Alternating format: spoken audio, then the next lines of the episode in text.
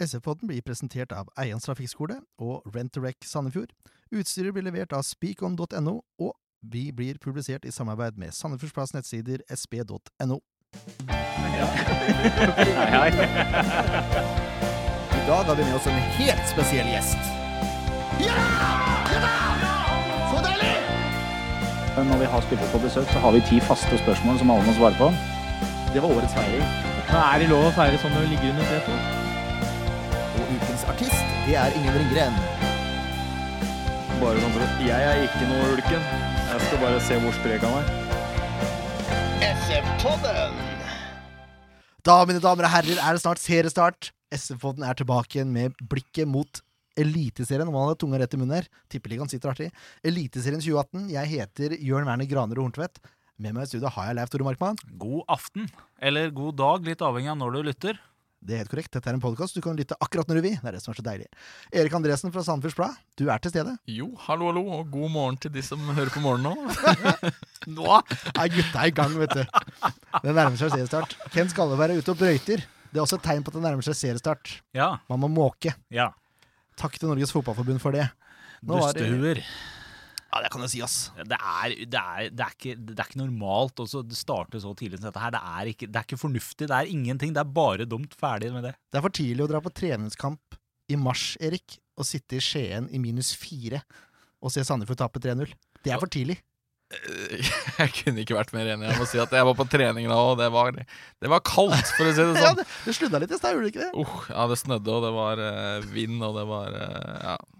Første runde i årets eliteserie går før Holmenkollsøndagen, er altså avslutning på skisesongen. Den er helga etter. Det er bare til å gratulere med da. Og så lurer folk på hvorfor Norge gjør det dårlig i fotball. Jo, Ja. fordi andre land spiller ikke i snø. Nei. De må ikke brøyte banen i sesong. Det er helt utrolig, rett og Nei, slett. jeg skjønner, jeg skjønner ingenting av Det, det mo- det morsomste er jo at det man gjør nå, er for å prøve å gjøre norsk fotball bedre. Ja.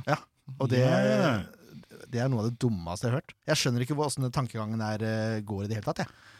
Nei, og så er det jo Det, skal jo, det, det er to serierunder som skal, egentlig skal spilles, og så skal det være 14 dagers ferie, og så er det begynner i på'n igjen. Det er et eller annet sånn latterlig opplegg med Ja, fri lands- påske og masse Det er landslaget som skal ha treningskamper. Så man starte Landslaget, hvor skal, til skal vi begynne å ta hensyn til de, da? De taper jo bare likevel. Ja, Det er jo ikke noe vits. Altså i VM-sesong, når Ja. ikke man skal spille i VM. Ja, det er jo helt på trynet. Det verste er jo at man har veldig mange uker på sommeren her hvor man faktisk har pause, hvor det er Ja, veldig det gode baner.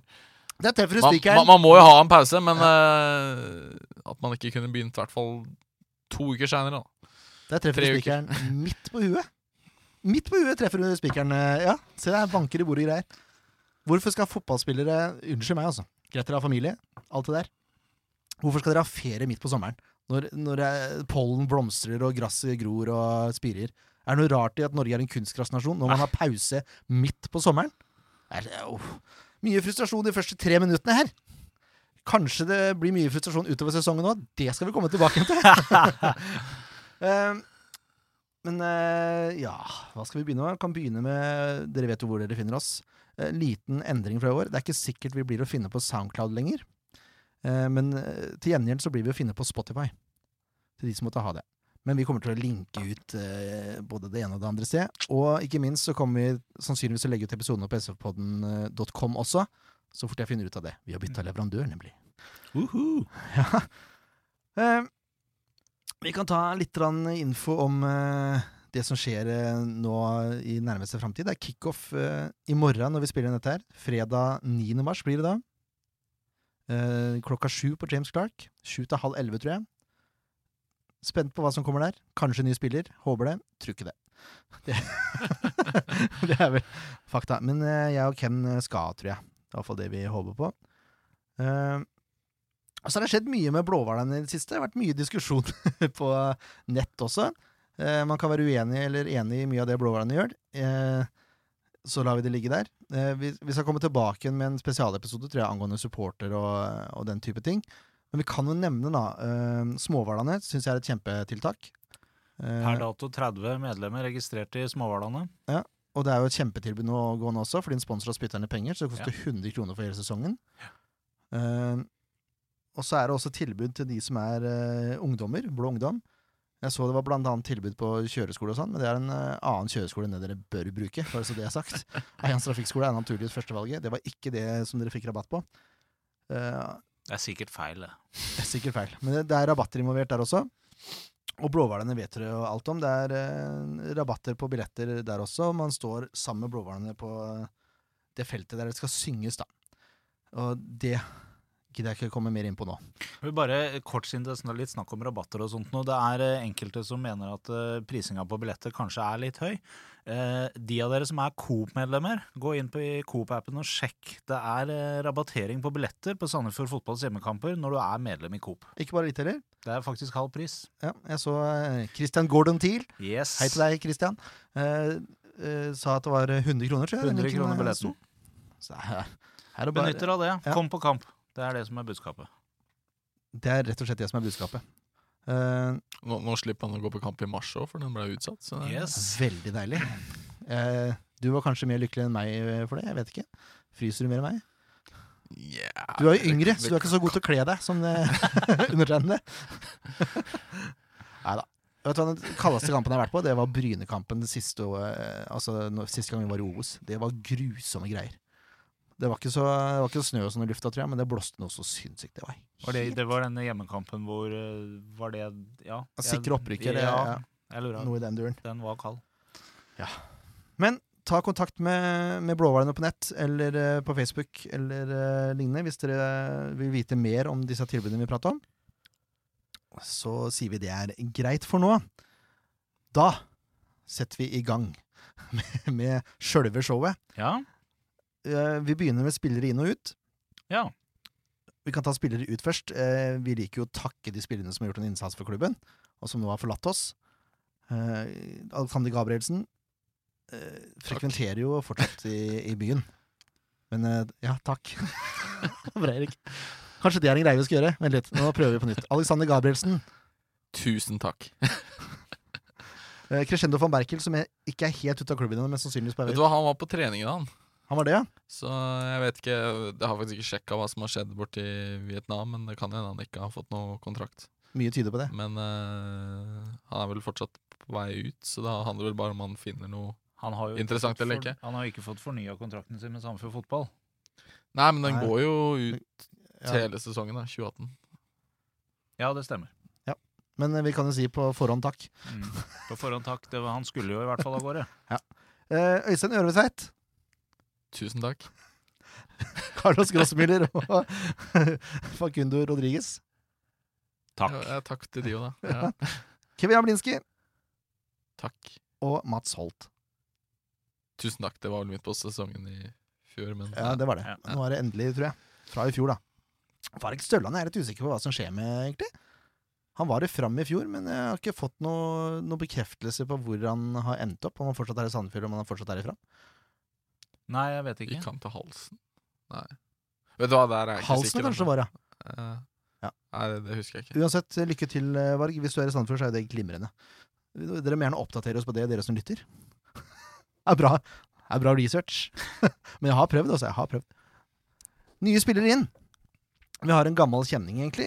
Eirik Holmen Johansen. Eh, Nå 25 år. Blir 26 litt senere i år. For å prate veldig pent her, hører jeg nå. Keper, Skjeper. om du vil. Kommer fra New York. Han spilte for Sandefjord opprykkssesongen 2014. Eh, gjorde det bra da, men han er vel strengt talt, selv om det er uenighet, eh, vet jeg her, om, eh, om det, henta inn som andrekeeper. Er det noen som er uenig i det her? Jeg vet ikke, hva kunne Nei, altså eh, til, til en, altså Han er, han er henta inn for å utfordre Ingvar Jønsson. Nå må vi huske på at det var Lars Bohin som henta han igjen, da. og Ja, ikke sant. Magnus Powell. Men per dags dato så er det jo han som kommer til å stå mot Molde. mot Og, stå, ja. og står han bra, så, så ser jeg ikke noen grunn til at han ikke skal fortsette å stå. Men uh, det er et spørsmål man må Nå får man jo tre uker etter den Molde-kampen da med mye trening, så det er mye som kan skje mellom kamp 1 og 2. Ja. Eh, Jeg ser 30 grunner til han ikke skal stå, og det er de 30 kampene som Ingvar Jønsson spilte i fjor. Jeg ville ikke dratt fram 30, men, eh, Ja, men kan- 27, kanskje. Ja. Poenget er at jeg kan se mange gode grunner til at ikke Eirik Holmen Johansen skal stå. Men for all del, det er godt å få en, eh, en keeper som kanskje er en del sterkere enn det Øvre Tveit var, og som kan utfordre Ingvar på, på litt, med, litt høyere nivå. Det har nok Ingvar også veldig godt av. Det tror jeg også. Ikke Og det var, det, eh, Øretvedt. må si at det var artig å se på treningene, for det var to keepere som du så kriga om plassen. Mm. Ingvar er tilbake for fullt nå og hadde en del gode redninger. Og Eirik var ikke dårlig, han heller. Så det er, eh, det er kanskje den, en av de plassene det kjempes tøffest om akkurat nå. Altså. Det er jo positivt. Veldig positivt. Absolutt. Det tjener jo alle på.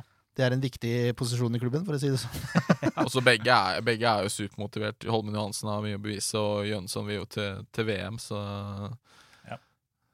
Det skal ikke stå på motivasjonen der, altså. Spennende, absolutt. Uh, islending til som har blitt henta. Emil Palsson, 24. 25 seinere i år. Fra Island. Midtbanespiller. Ble årets spiller på Island eh, 2015, året etter Ingvar Jonsson ble det.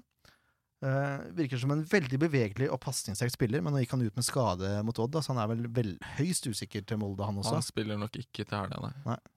Men så er det jo som sagt tre uker pause etter det, da, så da er det jo greit. Ja, nei, det var ikke noe veldig alvorlig, tror jeg. Så, men han har slitt med, slitt med akillesen en stund. Men eh, jeg tror det er en spiller som kan Som i hvert fall skal utfordre med en plass i førsteelveren. Så er spørsmålet om han tar en plass fra, fra Storbekk eller Henrik.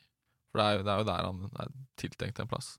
Og Mm. nå har jo Storbekk fått kapteinspinnet, så jeg tror at det er en form for tillitserklæring til at han kommer til å spille veldig mange kamper. Så det skal bli tøft å spille seg inn, eh, spille seg inn der. Da. Det spørs om det blir så mange på midten, da. Det, det får tiden vise. Ja, Ja, jeg sy syns ikke Storbekk hadde noe god kamp mot Odd. Det syns jeg ikke. Men uh, spilt bedre, enn det har han. Han hadde vel en litt, litt nedadgående kurve, i likhet da med resten av laget Ja. i, i fjor. Men uh, vi får se når det virkelig starter. nytt år, nye muligheter, som det så fint heter. Og så har Sandefjord henta Pontus Engblom, 26 år nå, 27 senere i år. Tidligere storskårer for Sandnes Ulf, hadde 17 mål i 2015, 26 i 2016, i Obos, vel å merke. Er jo det man kaller en typisk bakromspiss. Eller? Ja, han har uh, mye fart. Og det skal bli interessant å se om SF klarer å få, få han i gang i, i, i Eliteserien. Uh, for han fikk jo svært få sjanser i Godset i fjor, så man vet jo liksom ikke helt om han, om han kan ta nivået eller ikke. Det, det gjenstår å se. Men uh, Skal han blomstre, så må han det, det, det er en grunn til at man skårer 26 mål i Obos-ligaen. Da har man, har man kvaliteter. Og det, selv om noen ikke tar det siste nivået opp, så, så ser jeg ikke noen grunn til at han ikke skal, skal kunne ta det. Vi, vi, vi får se. Men uh, han skal, tanken er at han skal utfordre Kastrati da, om uh, midtspissplassen. Uh, jeg kunne godt tenkt meg å sette ham i kantrolle, jeg. Og, og ja, altså, skal jeg være helt ærlig. Han er såpass rask at jeg tror han kan gjort litt skade der òg, men uh, det er min ydmyke mening. vi får se hva som skjer. Um, André Sødlund, har vi hørt, vet vi noe mer om den saken her? Odd hadde visstnok lagt inn et bud. Ikke hørt noe mer, men jeg tror at de, de vil ha litt mer enn 1,5 millioner hvis det skal være aktuelt. Altså. Eh, og så er man jo egentlig interessert i å beholde Søderlund. Så Heldigvis. det må jo noe, må noe spesielt på bordet for at man skal selge. Men så er det jo alltid det der med kontrakt og så at, man, eh, at den går ut i år, og skal man ha noe penger for den, så, så må man selge den da, eller fornye. Tilby nå den gutten ny kontrakt, da. Altså, hvis ikke man gjør det Hvor mange spillere er det som står uten kontrakt etter i år? Er det 14 stykk? Ja, det er mange. Det har jeg ikke tellinga på. Men Nå er det på tide å ta den jobben seriøst og så begynne å tilby spillere kontrakt, for det her, det her går ikke. 14 spillere er over halve avtalen. Hva gjør man da, da? Hva gjør man da, hvis ikke man får signert noen av de? Det må, gjør man jo, men, eh, men, men gjør selvfølgelig man Nei, det? det er jo ikke, det er ikke noen ønskelig situasjon at så mange, så mange står, eh, står uten kontrakt. Det er det ikke. Nei, Kjør på. Har, har du hørt noen rykter om nye spillere, eller? Ikke noe konkret, dessverre. Altså, det, jeg tror jeg, det jobbes mye, men eh, det, det har ikke kommet noe Det er vel først og fremst wingbacker jeg har hørt, for det Man har jo, man har jo egentlig ikke noe erstattere for, for Vikt- Victor eller, eh, eller Jokke på, på wingbacken her, så forhåpentligvis så kommer det inn noen der, men det er jo fortsatt tid, da, selv om hvis vi starter serien nå, så er det jo fortsatt noen uker til neste kamp og til, til vinduet stenger, så Ja, Vinduet stenger jo 4. april, og neste kamp er andre. Ja, jeg, jeg, jeg Molde, tipper altså. SF har henta i hvert fall én ny spiller innen den tid. Vi får satse på det. Uh, har klubben kapital da, til å hente noen Vil betale for det, holdt jeg på å si, eller må man satse på gratisspillere? Tja vi, vi, vi, vi får se, for det er, det er, jo muligheter for at, for at noen spillere kan lånes ut eller forsvinne for den tid. da. Man har f.eks. en van Berkel som man gjerne vil bli kvitt. Uh, da går det jo en viss uh, pose lønn ut der, ikke sant. Så kanskje kan man leie ut noen er, det er jo ikke store midler, det er det ikke. Men eh, hvis det er noen interessante, så kan det hende det er noen uh, som spytter inn. Da. Det er jo mange av de i Sandefjord som fins, hvis man får lurt dem med på laget. Det er nettopp det. Det er verdt å bli med på laget. Eh, vi, kan, eh, vi kan gå gjennom treningskampene fort. Veldig fort. Eh, Notodden SF eh, vinner Sandefjord eh, 2-1. Kastrati og sjølmål. Så taper man da i første kampen eh, Magnus Powell eh, har blitt ansatt, mot Mjøndalen 6-1. Eh, Powell har i ettertid sagt at han skulle bare se At de skulle satse fullt offensivt hele kampen, og så bare se hvor, eh, hvor feila kom. Var det ikke sånn, da? Noe i den duren?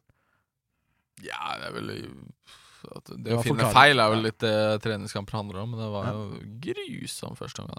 da Det var Storbekk som skåra det ene målet, i hvert fall. Så tapte man 1-0 mot Stabæk, og så vant man 2-1 borte mot Start, hvor Flamur Kastrati nok en gang eh, kom på skåringslista, og Kri, etter mye om og men, får tilkjent den skåringa. Ligna kanskje på et skjærmål der. Og så har du 6-0-kampen i Marbella eh, mot Godset. Tap der, altså, ikke seier. Eh, 2-1-tap mot Glimt, hvor Lars Grorud skårer på corner. Eh, og så er det 3-0-tapet mot Odd, da. Som vanlig ingen glimrende vinter, Markmann.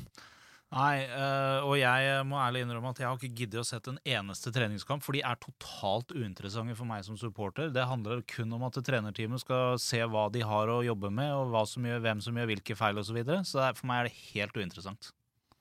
Det er greit. eh, nå kampen til søndagen, det er nå det begynner å gjelde. Det, der, det har ingenting å si. Og jeg må si at jeg blir mektig oppgitt og irritert på alle de grøthuene på Facebook som engasjerer seg så forferdelig i hvor grusomt SF spiller i disse treningskampene. Skjerp dere! Det er meninga at man skal gjøre det dårlig for å plukke ut feil og finne feil osv. Det er hele vitsen med treningskamp her i vinter. Men du har, du har jo det argumentet da, om at uh, motstanderen har jo også på samme måte, men de vinner for det. Det er godt mulig, det, men vi så jo hvordan det gikk i fjor vinter, og vi klarte fint å klare oss den sesongen her, så det er null bekymring for dette her. Null bekymring. Jeg er heller ikke bekymra for resultatene, skal være helt ærlig. Uh, mer spillet. Det er spillet man ser på. Det som er også, da, er at eh, flere av disse laga vi har eh, spilt mot og tapt eh, grovt mot, de har ikke bytta trener i år. Vi har fått helt ny Det er trener sant, inn. det. Er sant, det.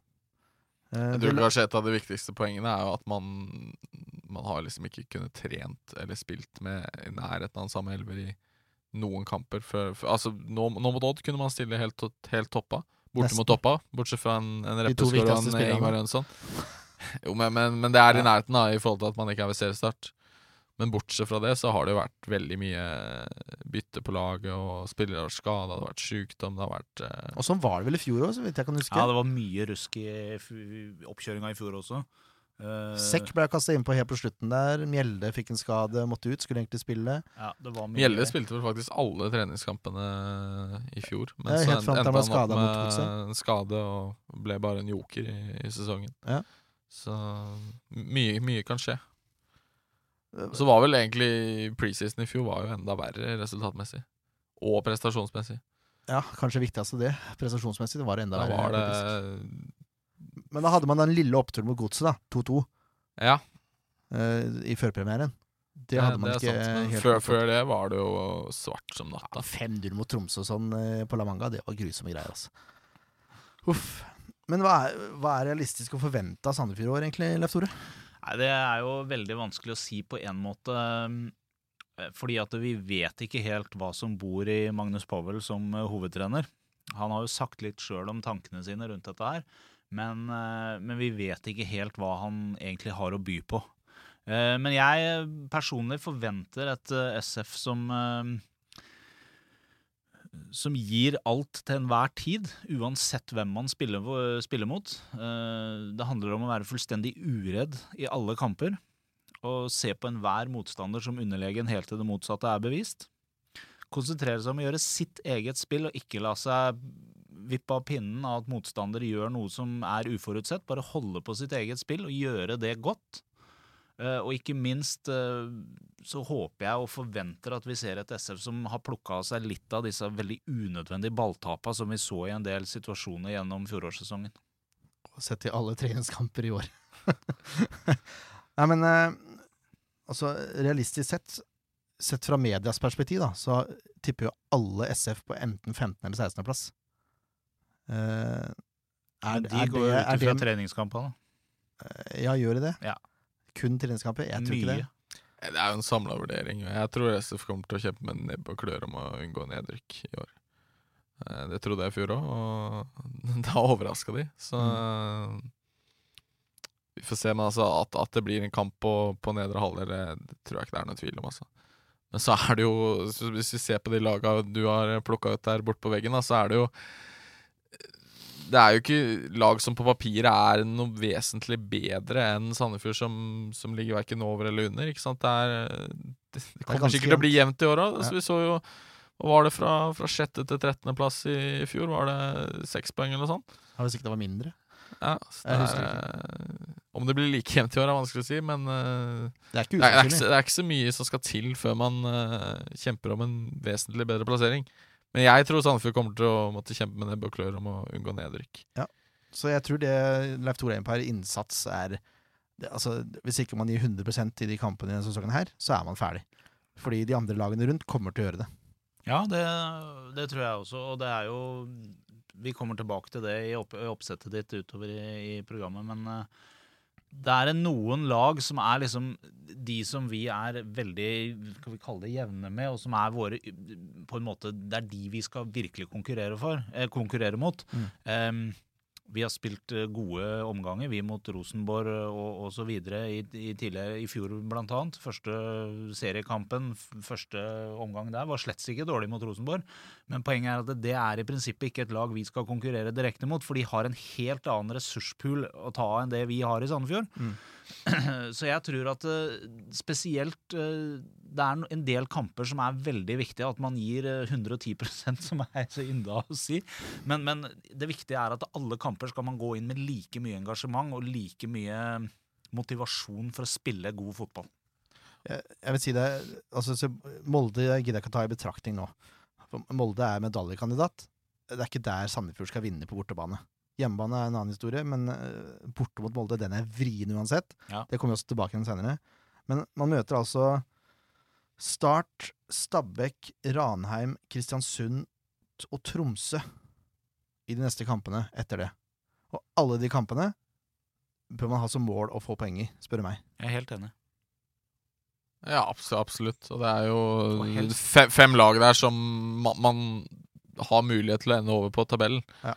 Uh, man ender ikke over Molde på tabellen. Så Nei. Og Nei, og, og så tror jeg man skal være glad for at den Ranheim-kampen ble utsatt.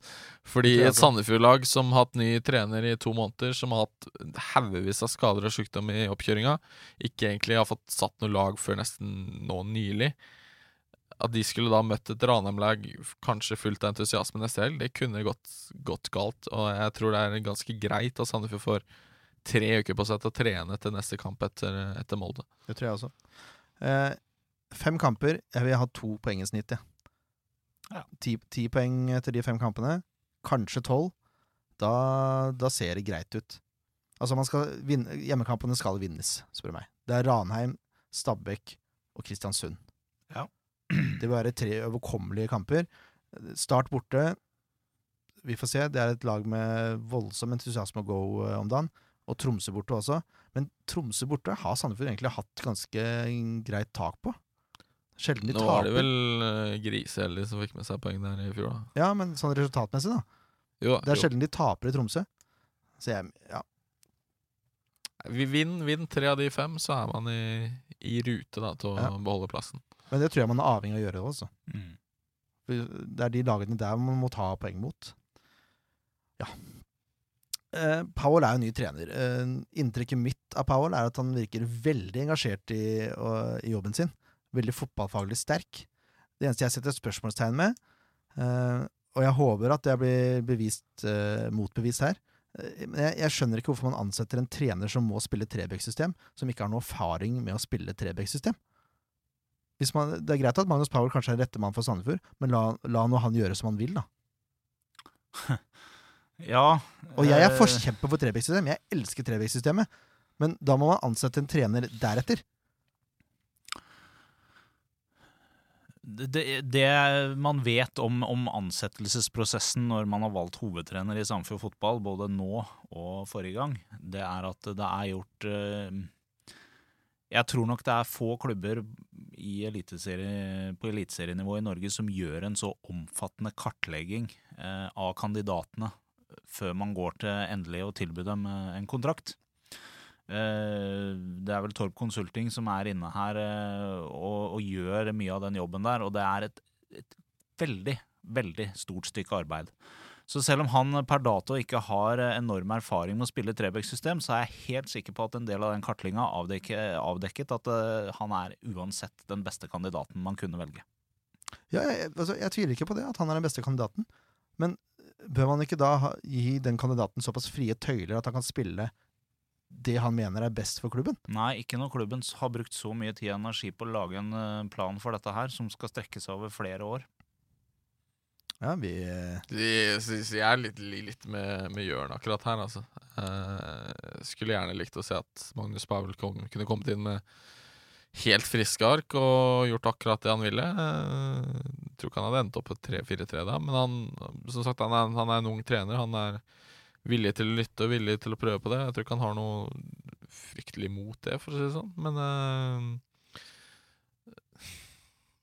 selvfølgelig, det, det, logisk sett så virker det jo mest naturlig at, at en trener eh, får bruke den formasjonen som han er best på. uh, men som sagt, som Leif Tore sier, så er det jo så har man jo brukt mye energi på denne sportsplanen og, og systemet, og innarbeide det ikke bare på A-laget, men i, i hele klubben. Så, så da er vel da spørsmålet om man da heller skulle valgt en annen trener.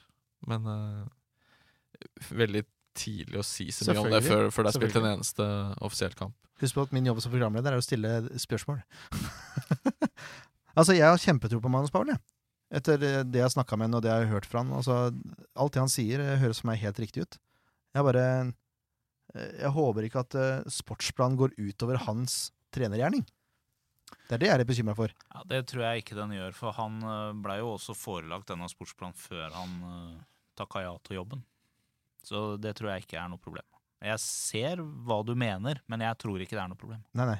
Du ser hva jeg stiller spørsmål om. Ja, Jeg ser hva du stiller spørsmål om, Ja, ikke men jeg tror, jeg jeg tror ikke det er noe problem. Spørsmålet er jo hva som skjer hvis det går hakkende gærent de første to-tre månedene. Og Ja. så vidt jeg forstår da, så er det jo Man er jo villig til å gjøre noe med det og bytte hvis, hvis det måtte Altså, jeg tror viljen til å endre er mye større nå hvis det går galt, enn den var med Lars Bohin, som var en enorm tilhenger av Trebekk-system. Det tror jeg også. Så, altså, så hvis Sandefjord står med to poeng etter ti kamper, så kommer det jo til å skje noe. Om man da bytter formasjon eller eh, endrer vanvittig på spillestil, eller hva som skjer, jeg vet ikke. Men uh, viljen til å endre kommer til å være der. Så, men, men vi, vi får dømme etter noen kamper. eh. Man, man har jo sett glimt Man har sett flere glimt av godt spill i 3-4-3 Trebekk-systemet i forsesongen i år enn man gjorde i fjor. Det har vært Mm. dårlig begge ganger. Så veldig spent på, på hvordan det går eh, i april. Jeg tror ikke den kampen til søndag har jeg ikke så store forhåpninger til. Nei, ikke heller. Som sagt, jeg må bare understreke. Jeg har kjempetro på Magnus Powell. Og jeg elsker trebekkssystem. Jeg bare lurer på om det er rett match. Det er det eneste jeg lurer på. Og det får vi svaret på i løpet av sesongen. Det gjør vi. Ja. Det skal vi ikke være redd for. Jeg gleder, jeg gleder, å, jeg gleder meg. um, hva er det viktig da at Powell får til for at det her skal kunne gå bra? Det er viktig at han skaper et eh, Han skaper et, eh, et engasjement i spillergruppa som gjør at alle som er opptatt av, eh, av fotball i Sandefjord og Vestfold generelt, og som er glad i å se god fotball, at de vil oppdage at Sandefjord fotball er på vei mot noe. Så enkelt er det. Mm. Tror jeg. Hvis han får smitta litt av den eh, entusiasmen han har da, for spillet, sjølve spillet fotball og på spillergruppa, så tror jeg egentlig mye er gjort, skal jeg være helt ærlig. Ren, rent sportslig er det jo forferdelig viktig å, å tette inn bakover. Ja. Eh, altså Sandefjord slapp jo inn og ble det over 50 mål til slutt i fjor. Mm. Men styrken i den første halvdelen av sesongen var jo at man liksom Hver gang det fungerte, systemet fungerte, så holdt man nesten alltid nullen til pause. Man skapte ikke mye selv, men man frustrerte motstander og tok med seg mye poeng. Vant jevne kamper, og motstanderne skapte nesten ingenting. De ble klart å irritere dem. Det var eh, ikke vakkert å se på, men det var eh, artig. Jeg syns, jeg syns faktisk Sandefjord viste prov på noe av det de første 30 mot Odd. Da var det sånn, Odd skapte nesten ingenting. Ja, og det var noe Nei, De visste vel kanskje ikke så mye av det i den kampen de tapte 6-0 mot Godset. Da var det mer at Ja, man første- visste, visste, ja. visste pro på litt eh, større offensive kvaliteter enn man ofte har gjort tidligere. Mm. Mot Odd var det litt mer tilbake til den at man frustrerer motstanderen. Eh, skapte vel ikke noe særlig selv, bortsett fra en sjanse med Kastrati der mot Odd. Men eh, det var i hvert fall De var jo fornøyd med de 30 minuttene, og de 30 greie minutter. Så gjelder Absolutt. det gjelder å forflytte det til en hel kamp. Og klarer man det, så, Da så er vi på snakker vei. Da, da snakker vi. Da overlever vi. Rett og slett. Ja, men det tror jeg faktisk. Um, ja, det, ja, faktisk. Den godsekampen irriterte meg noe vanvittig, egentlig. Fordi Sandefjord burde leda. Ja, det sa, det, det sa alle der nede òg. Jeg, jeg, jeg tenkte over når jeg satt og så kamp, er det bare jeg som Jeg følte jeg var nesten snill med godset. Jeg hadde fem sjanser eller noe den første gangen. Jeg hadde seks eller sju på SF. Ja, og Spurte Lars. Bohin dagen etterpå. Han hadde kommet opp og sett kampen. Så nei, det var sju eller åtte-fem sjanser til, til SF i første omgang. Ja. Så ligger man under 0-3. Selvfølgelig ikke helt tilfeldig. Det er, det er en grunn til at man misbruker så mange sjanser. Men Ja, eh, det var veldig mye positivt i den første omgangen der. Altså. På, en, på en normal dag, da, som fjoråretsesongen, så hadde jo Sandefjord skåra to mål den første omgangen. Og da er det ikke sikkert Godset hadde skåra de tre. Men det blir jo veldig hypotetisk. La oss gå videre. Ja, altså kan man jo si at De sjansene SF slapp godset til, var jo gigantiske. Det Ja, var, det var jo så store hull i forsvaret at uh, de hadde vel gått inn uansett, men man burde jo skåret den andre veien òg. Ja, helt enig. Uh, hvis man uh, Vi skal gå over på, på noen tips, men uh, hvis man skal velge ut én spiller, nå tenker jeg ikke nødvendigvis årets spiller, men én spiller som var nødt til å ha en god sesong i år, hvem tror du Sandefjord er avhengig av da for å holde seg? Ja, altså, Det trenger ikke være årets spiller, men én spiller som liksom Ja, jeg tror Sandefjord er avhengig av å ha en Flamur Kastati som jevnt og trutt bøtter mål gjennom sesongen. Erik, har du noe Skal jeg ta et nytt ledd jeg på banen? da Ja, Så kan vi ta ett hver. Så Ja. kan jeg eh, dra fra meg at jeg har troa på Henrik. Jeg tror at hvis han spiller eh, Han får sikkert noen karantener, da, med 28 kamper, da Ja, er og leverer eh, solid jevnt og trutt på midten her, så tror jeg han er viktig for, eh, for dynamikken i laget. Det er vanskelig å være uenig i det for min del. svart. Godt svart. Jeg, jeg du går til gode gamle Nei, han er ikke så gammel, det. Han er så gammel, han er vel like gammel som deg omtrent. Han er faktisk Reima. altså Reima skadefri. Den var det 1-0-1 i odds for, at du kom med den. Ja. Ja, Nå som du tok en rik, så var det jo det. Nei, men, ja, men helt seriøst. eh, Han har jo vist i fjor at eh, når han styrer forsvarslinjen der, og ikke dommerne er helt ute å kjøre, så, så gjør Sandefjord det bra. Det som, var litt, øh, det som var litt morsomt i fjor, var jo de kampene han ikke spilte. Det var ikke morsomt i det hele tatt, Jo, men, meg. Nei, men det var artig altså, ja, Hva skal man si? Det var interessant å se hvor enorm forskjell det var på Forsvaret når han var der og ikke var der. Ja. Nesten uansett hvem andre som spilte Ja, jeg er helt enig. i, i treeren. Og, ja, I midten bak der, det er Sander Moen Foss eh, og Lars Grorud som konkurrerer om den plassen. Men eh, de er milevis bak uh, Reima i mine øyne, altså. Han er Han burde vært kapteinsemne. Sander Moen Foss har jo sikkert etter hvert uh, muligheten til å komme seg dit. Uh, Absolutt. Grorud har passé. Han kommer aldri dit igjen. Han er ferdig. Jo, men han, han er Det er ikke noe Må dere ikke bli sånn da, gutter. Dette er dårlig gjort. Grorud er ikke noe dårlig fotballspiller, jeg sier ikke det. Uh, og jeg tror det er fælt få på laget som har den, den, det overblikket og den fotballforståelsen som Lars Grorud har. Men te, balltempo og, og kontrollen i midten bak ikke i nærheten av Reppes. Yes. Nå skal vi Nå var vi Nå varma vi opp med litt tips. Nå skal vi gå over på ordentlige tips, for vi har jo noen kåringer i SF-podden. Har det? Tre stykk, for å være nøyaktig. Årets spiller, årets, årets toppskårer og årets fremskritt, som jeg har valgt å kalle det nå. Ja. Eh, I fjor vant Ingvar Jonsson. Han skal være gjest ganske tidlig, så han får overrekt den premien. For det Det glemte undertegnede på SF Awards. Eh, Men sånn er det. Men eh, ja, vi, vi setter i gang, vi. Ja. Hvem er det som fikk eh, årets fremskritt, da? Er det noen som får den? Hvem tror du det var i fjor, eh, Erik Andreassen? Uh, Søderlund, kanskje? Er du morsom? Fra, fra Åssen blir det? Ja, fra 2015 Nei, unnskyld. Fra Obos 2016 til i fjor 2017. En forsvarsspiller. Ja, det var Reima, da. Nei, Her, hvor er nå er du Nå er ja! Ja, ja, ja. Var det sekk, da? Selvfølgelig var det sekk! Ja. Abdullahi Sekk. Eh, nå skal det sies at vi gir jo bare premie til årets spiller. Sånn fysisk premie. Men det er jo mye ære i årets fremskritt. Men du ser det nå, at han eh, Ja, ja, ja, ja. Nei, jeg tenkte, jeg tenkte liksom at her får jo Reima alt her. Så.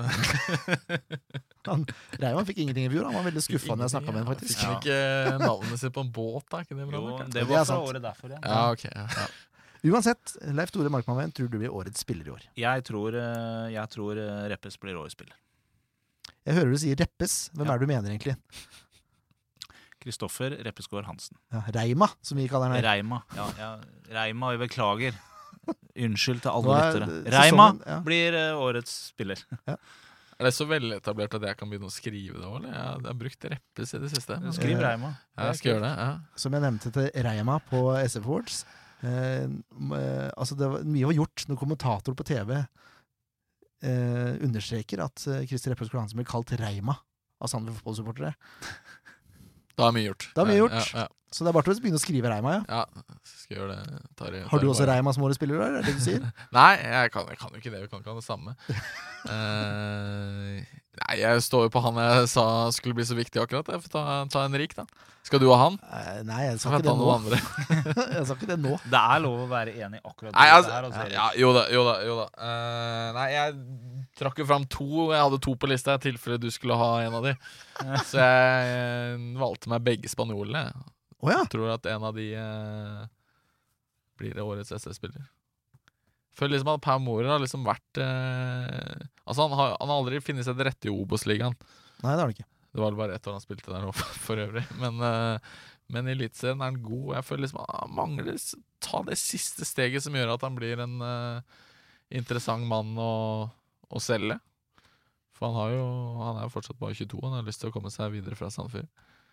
Så en av de to, kanskje. da Henrik eller, eller Pau. Ja, jeg ser det. Når du nevner Pau, så er det lett å nevne André Sørlund, som hadde omtrent lik stats. Absolutt. Ja, eh, det, nå tok du Pau eller Henrik. Da får jeg si eh, Enrik holder jeg også en knapp på. Det gjorde jeg i fjor òg, men jeg var streng med den under, under eh, børsen. Eh, og så er det vanskelig å komme unna keeperplassen, altså. Skjeper. Ja, Ingvar vant i fjor. Jeg tror han fort kan ta det i året igjen nå. Men jeg håper det blir en rikk, for det betyr at Ingvar har hatt det roligere bakover. Ja, sant. Rett og slett. Yes. Årets toppskårer, Leif Tore? Eh, Det er fryktelig, fryktelig, fryktelig kjedelig, men eh, jeg tror det blir Flamur Kastrati. Nei, tror du det? Jeg gjør det. Er det min tur? da? Det er din tur. Ja. Nei, altså, jeg tok jo alltid med to til hver her, for at jeg skulle være uenig med en av dem. Nei, ja, men det- går ikke an å være så veldig uenig i at uh, Flamur Kastrati er favoritt til å bli SV-toppskårer igjen. Rett og slett fordi han har, eh, han, har, han har sett veldig bra ut gjennom vinteren. Eh, hatt litt av det kanskje han hadde i fjor, og kan fort få en pangstart igjen. Det trenger SF. Men uh, jeg får jo prøve å kjøre på med vår kjære svenske Pontus Engblom, jeg, da. Ja. Som uh, syns han ser litt freshere ut nå, nå siste uka. Så får man ut potensialet i han, er jo han Han har jo rent sett større målskåreregenskaper enn Flamme Kastrati. Men det Men da, Ja. da, må det, da må det løsne, selvfølgelig. Også, men, Ja. det, men det her avhenger av hvem av de to som, som spiller fra start. Og jeg tror ikke de kommer til å spille sammen, så, det tror ikke jeg heller. Jeg tror fort det kan bli mye veksling hjemme og borte her, faktisk. Altså, I vanskelige bortekamper så tror jeg eh, Pontus Engblom fort kan spille litt, fordi han er såpass rask at man kan bare spille i bakrom. Avhenger veldig av hvem man møter og Ja. Se mot Molde, for eksempel. Da. Vi kommer tilbake til det etterpå. Men det er sånn typisk Engblom-kamp, tenker jeg. Selv om eh, jeg mener Kastrati er uvurderlig for laget, da. Så det, Men det, er, men det er veldig viktig at man har eh, Nå håper jeg at ingen av de blir, blir sure hvis de sitter på benken litt. Hvis begge holder intensiteten oppe og kjemper, kjemper, kjemper for plassen, og er, er i bra slag, så er det veldig viktig for SFA å ha to, såpass gode spisser. Altså. Absolutt. Så det, det er en styrke i forhold til fjorårssesongen, hvor man bare hadde en halv sesong med en veldig skadeplaga Rodriguez. Og Flamio sleit jo mye med, med låret også. Han skal være bedre, bedre i år, Ja. så Jeg mener også at Flamur er soleklar favoritt til å bli årets toppskårer også. Jeg må si det. Han ser uh... Jeg er egentlig enig, altså. ja. Men, uh... Det er vanskelig å komme utenom Flamer. Men jeg, jeg, har litt, jeg har litt trua på han Engblom, altså, hvis, hvis Ja. han kommer i gang. Jeg, Som sagt, jeg håper nesten Engblom får prøve seg litt på kant. I de kampene som er de vanskelige bortekampene. Da har vi en med fart der, og så har du Flamer med overblikk, og så har du Flamer som kriger. Og eh, etter krig så kommer det løse baller, og der kan Engblom være å, å plukke opp. Ja, bra fart, altså. Han har det. Men uh, det er et eller annet med killerinstinktet til Flamer der i, i kamp som jeg bare Jeg klarer ikke å komme utenom det. Nei, altså, Noen ganger så får jeg litt inntrykk av at hvis, eh, hvis eh, La oss si at eh, Pontus Engblom noterer seg med f.eks. 13 skåringer mot slutten av sesongen. For eksempel 13 skåringer. Bare på slutten av sesongen. Ja, nei, men altså øh, og, og Flamur ligger på det samme antallet, så er Flamur sta nok til å bare putte en til i siste kampen bare for å vinne. ja, ja, ja, det han, han, er, han er så SOB på det der at ja. Han er boss, Ja. rett og slett. det er noe med den mentaliteten hans som Jeg tror han er også er litt sånn eh, jeg tror, Det her kan jo ha noe å si da for hvem som blir toppskårer. Flamer jeg tror jeg er ivrig på å vise seg såpass fram at han kan komme litt ut igjen fra Sandefjord. helt enig. Så hvis han forsvinner etter sommeren, så får vi håpe at Engblom er i form og putter 13 da på høsten, sånn som du sier. Ja. Ja, det får vi virkelig håpe, da. Flamer 13 her og 13 der. Det blir Fort 26 år. 26 mål da, bare spiss. Ja, det er ikke så verst, det. Det får bli ut sesongen i hvert fall for Flamor. I hvert fall. Sier jeg det nå. Han vi tipper deg som toppskårer. Ehm, så er vi Sekkprisen, da. Årets fremskritt.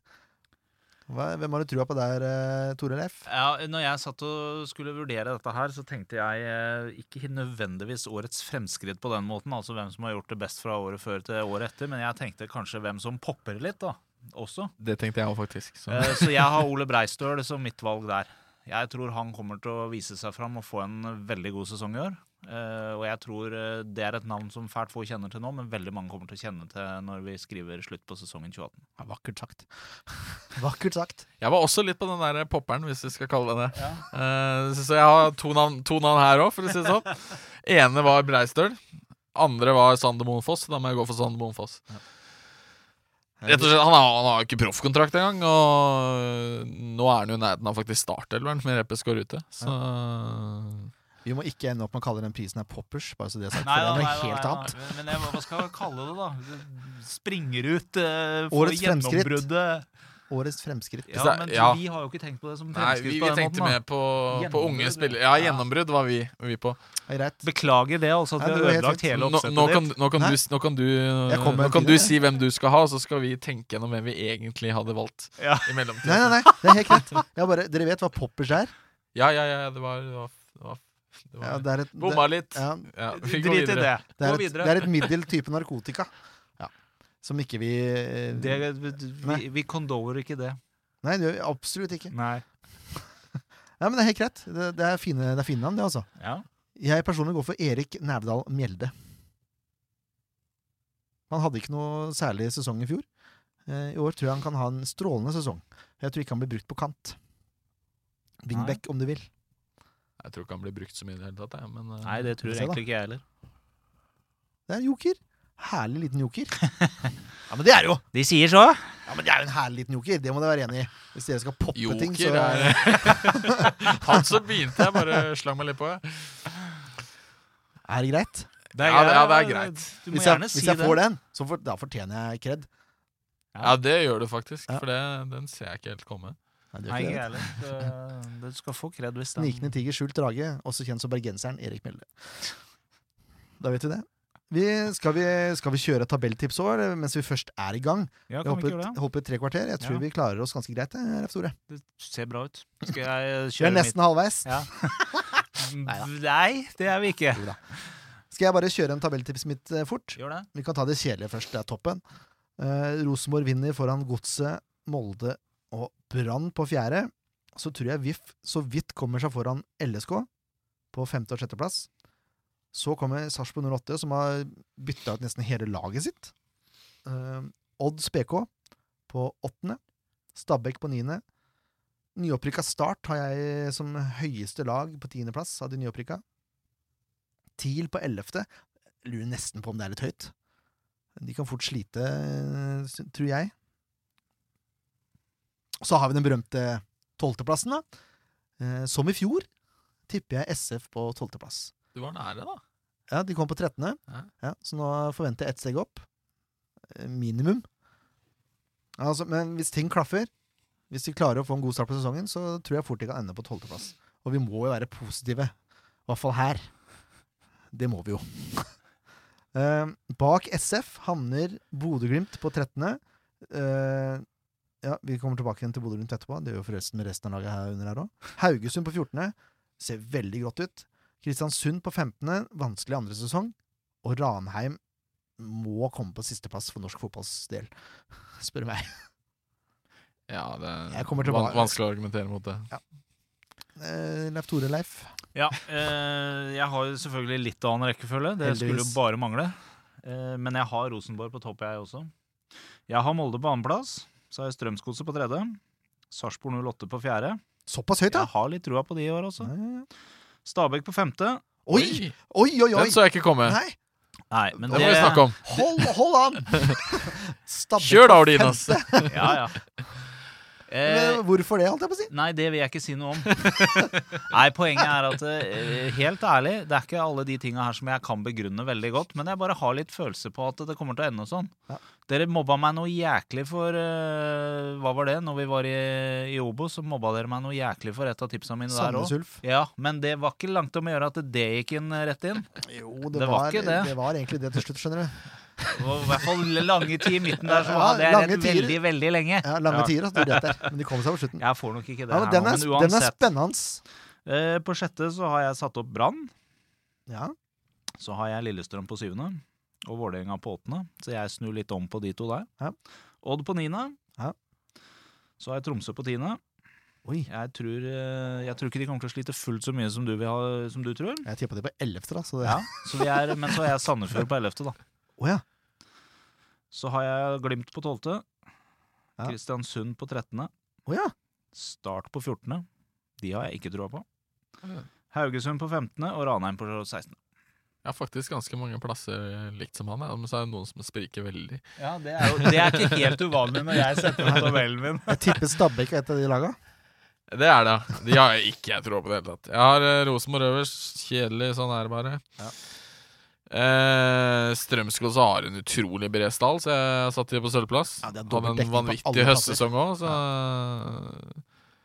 Så Tor Ole skulle skal gjøre en, en litt gærent der hvis ikke de er oppe og kjemper om medalje, i hvert fall. Så, Han har gjort mye riktig nå. Det, Det har han.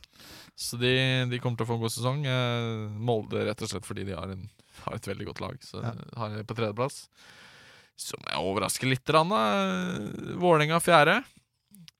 Ja, det er ikke så overraskende for meg, men uh, Det er nok noen lag bak der som er, uh, som er større favoritt på papiret enn Vålerenga. Ja, det er nok. eh, tenker andre sesong til Deila, at han får litt sving på det. Ja, også. Uh, femte er satt Brann, men jeg har egentlig ikke så mye trua på det når jeg tenker meg om.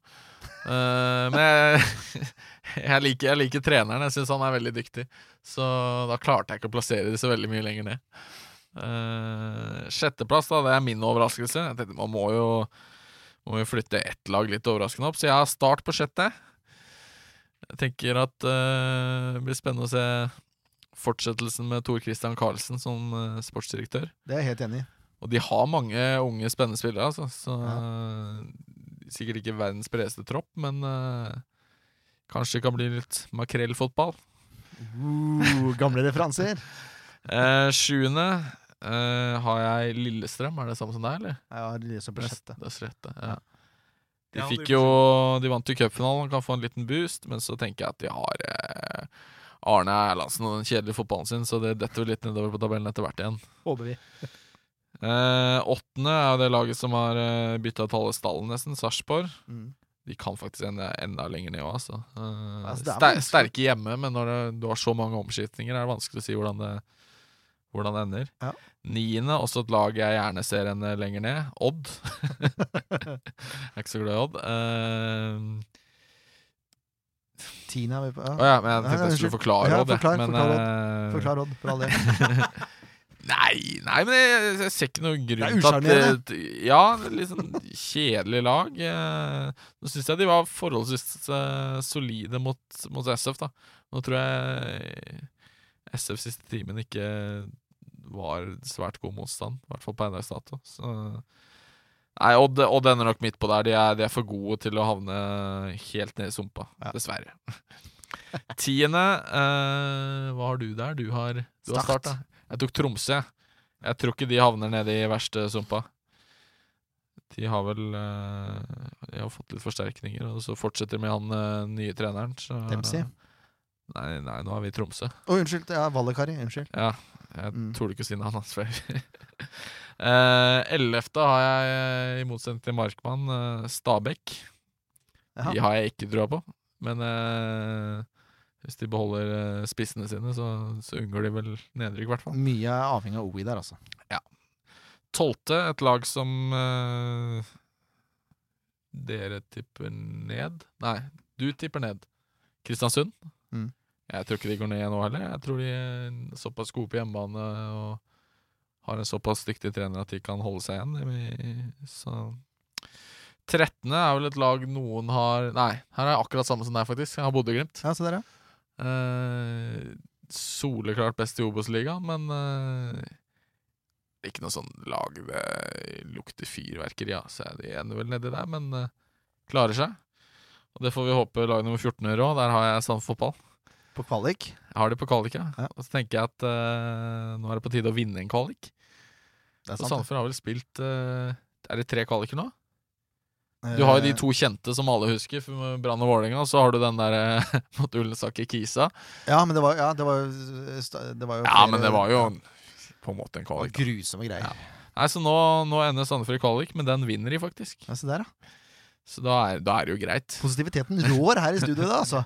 Jeg, jeg, jeg syns at å putte SV på 14 er, eh, det er realistisk, realistisk pluss. Jeg syns det, det, det, blir, det blir tøft å overleve, altså. Ja, selvfølgelig. Så-. Så har jeg det tørre, kjedelige Haugesund-laget på 15.-plass. Ja. En liten æra over, for de har vært oppe over ti år nå, tror jeg faktisk. Ja, Hvis ikke det er nærmere 20? Nei, nå er du helt på jordet, men uh, Nei, det. Du må huske på at vi er i 2018 nå. Ja, de kom ikke opp i 98. De spilte jo førstedivisjon sammen med Sandefjord. Ja, det er sant. 15, da. Nei, det er nok 10-11 år, men ja. Ni, kanskje. Ja. Det kan du sjekke, i hvert fall. Det skal du, jeg- det skal jeg sjekke. Ja, nei, men du spilte ikke de eh, Du, det her, jeg har litt god hukommelse noen ganger, skjønner du. Noen ganger, ja. Eh, 2007 spilte de cupfinale mot Lillestrøm. Da var de ikke i Eliteserien. Det kan nok Det vil si at de har ti år eller mindre. Det kan du se. Boom. Ja, det er så sjukt at det er to, 2007 er ti år siden. Det er for meg helt forferdelig. Ja, ja, sånn er det. Ja, øh, Da er det ikke så mye spenning om at Ranheim ender sist, da. Nei, Nei, det er jo ikke det, da. Det har vi visst alle tre. Jeg tenker liksom altså Jeg har liksom en følelse at de overrasker, men så tenker jeg at det kan det skal ikke være Det kan mulig ikke at de skal overleve over 30 kamper. Men eh, hvis, hvis SF liksom ryker helt sønder og sammen, så kan fort Ranheim bli nummer 15, akkurat som Mjøndalen ble nummer 15 eh, for, Ja, for tre år siden.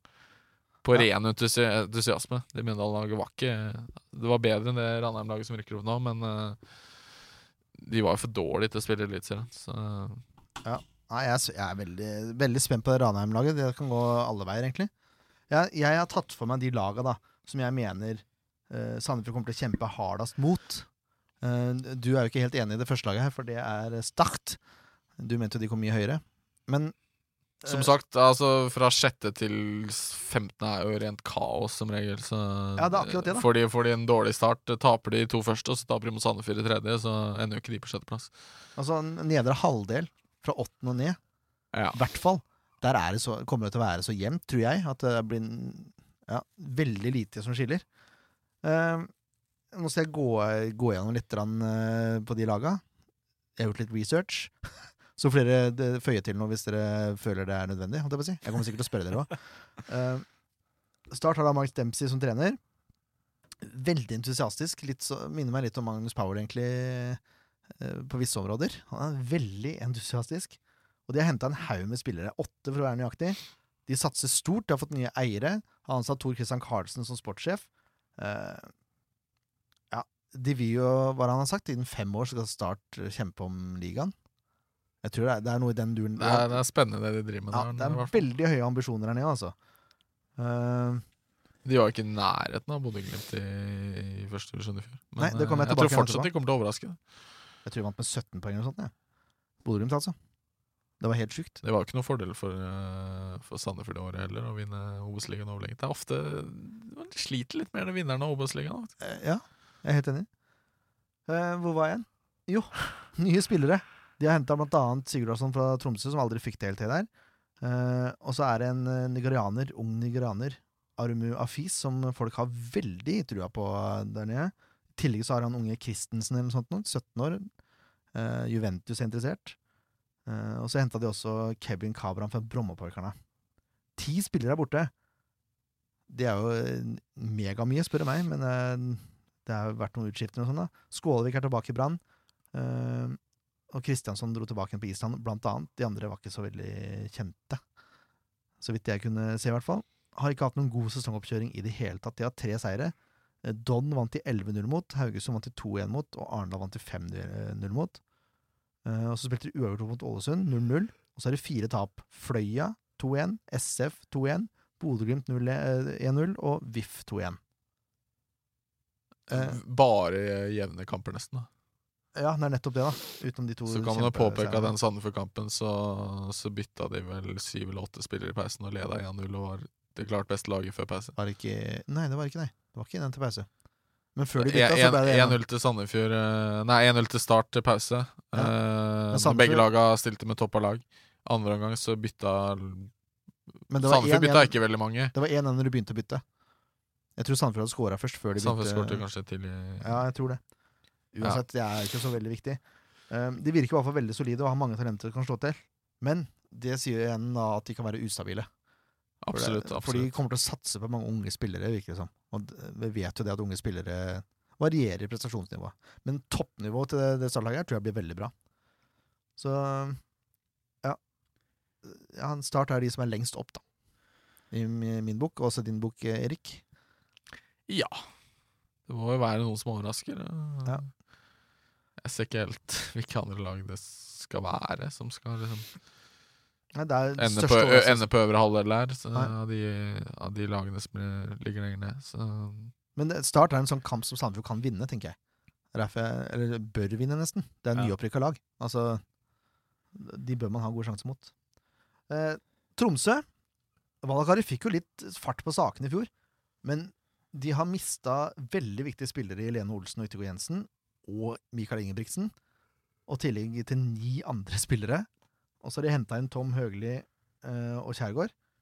Og så én spiller til, tror jeg. Uh, de har hatt en helt ok oppkjøring. Tre seire mot uh, Ruben Kazan, Tromsdalen og Vålerenga. Og så spilte de uhørt mot Rostov. Så er det to tap mot St. Pølten og Bodø-Glimt. Siste det er jo en helt brukbar, brukbar forsesong.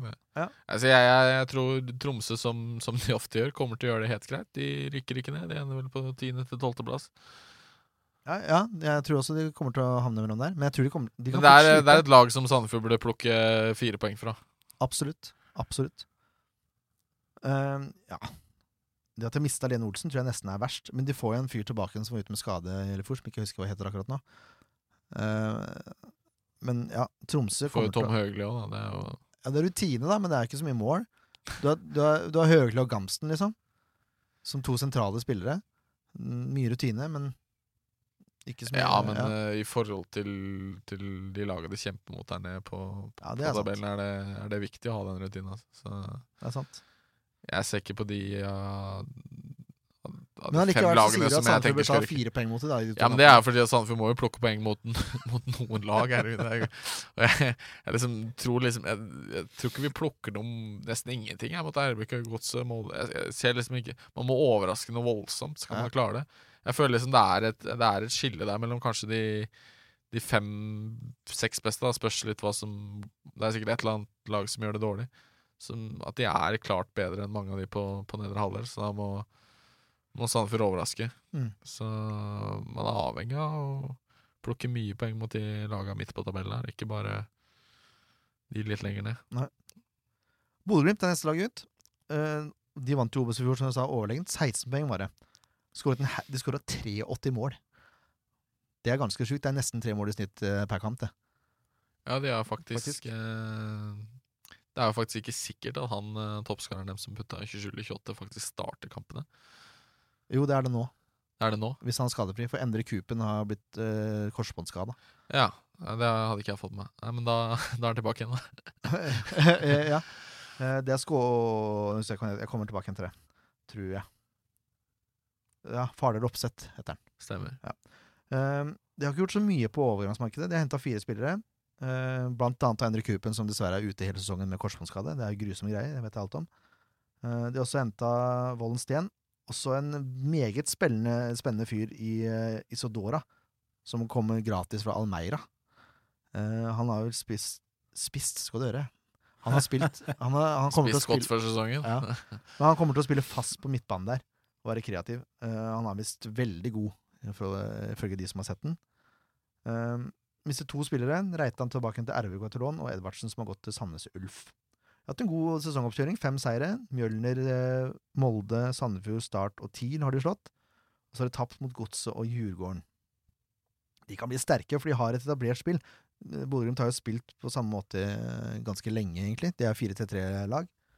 Men de er avhengig av Trond Olsen, som har vært skada, og Fardal Opseth, som har vært skada. Hvis de får langtidsskader, så kan Bodø-Glimt fort slite. Det- Det jeg tror Bodø-Glimt kommer til å slite. Jeg tror, jeg tror ikke de rykker ned, men jeg tror de kommer til å slite. Ja. Uh, Også et lag Sandefjord bør ta fire poeng mot. I hvert fall tre. ja, hvor mange poeng trenger vi? Da? Trenger vi 34 eller sånt for å overleve? Jeg tror ikke vi trenger så mye år. Det tror jeg ikke. Vi kan, gå, vi kan gå fort over til Haugesund, som er et fryktelig grått og trist lag, altså. Eh, jeg tror Haugesund kan bli dette årets Sogndal, for å være helt ærlig. Det er derfor jeg har det på kvalik. Og at de rykker ned da, via kvalik? ja, det kan de fort gjøre. Ja. For det er, det er så grått. eh, Det ser så grått ut, da. De har fått tilbake to gamle kjenninger i Grindheim og Våge Nilsen. To forsvars... Ja, altså, Grindheim blir nærmest forsvarsspiller alene. Han blir så treig. Nei, han skal, han skal spille mer offensiv rolle, har jeg hørt. Han skal det, ja? Ja. Ja, han har scora litt òg, faktisk. Men han, Han skal få mer offensiv rolle i Haugesund enn, i, enn han hadde i Vålerenga. Spennende. Så Vi får se åssen det utvikler seg.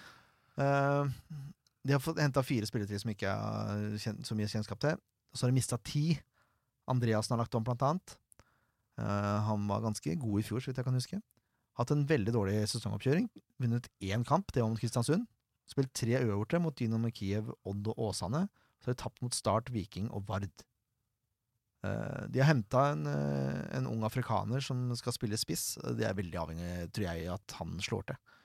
De er vel veldig tynne på De har vel ikke noe sånn klar, Det er Gytkjær og? Det er vel Gytkjær, eh, broren til han gode. Ja. Broren til han gode, ja. Ja, men det er jo det. ja, ja. Han, var jo ikke, han starta bra i fjor, Gytkjær, husker jeg, på fan, som fantasy-messig. Men han eh, dabba av. Men den er ikke så katastrofal. Altså. Nei, det er ikke Det er, van vanskelig å lese ut av Det er bare resultatet. én seier, da. Her eh, Hvis man skal begynne å lese, så har Sandefjord flere seire enn det de har. Det kan man godt si, men så kan man også si at den ene var mot Notodden, og den andre var mot et startlag som bytta halve laget i pausen. Uh, ja, jeg er fullstendig Jeg, Men nå har, jeg driter vi, jo i vi- resultater i treningskamper. Nå vet du jo ikke omstendighetene bak resultatene der, da, men er ikke, de har ikke gått på noen svære blemmer, liksom. Ja, Vard, da. Den er lei. Ja, den er lei. Spille Bortsett fra den.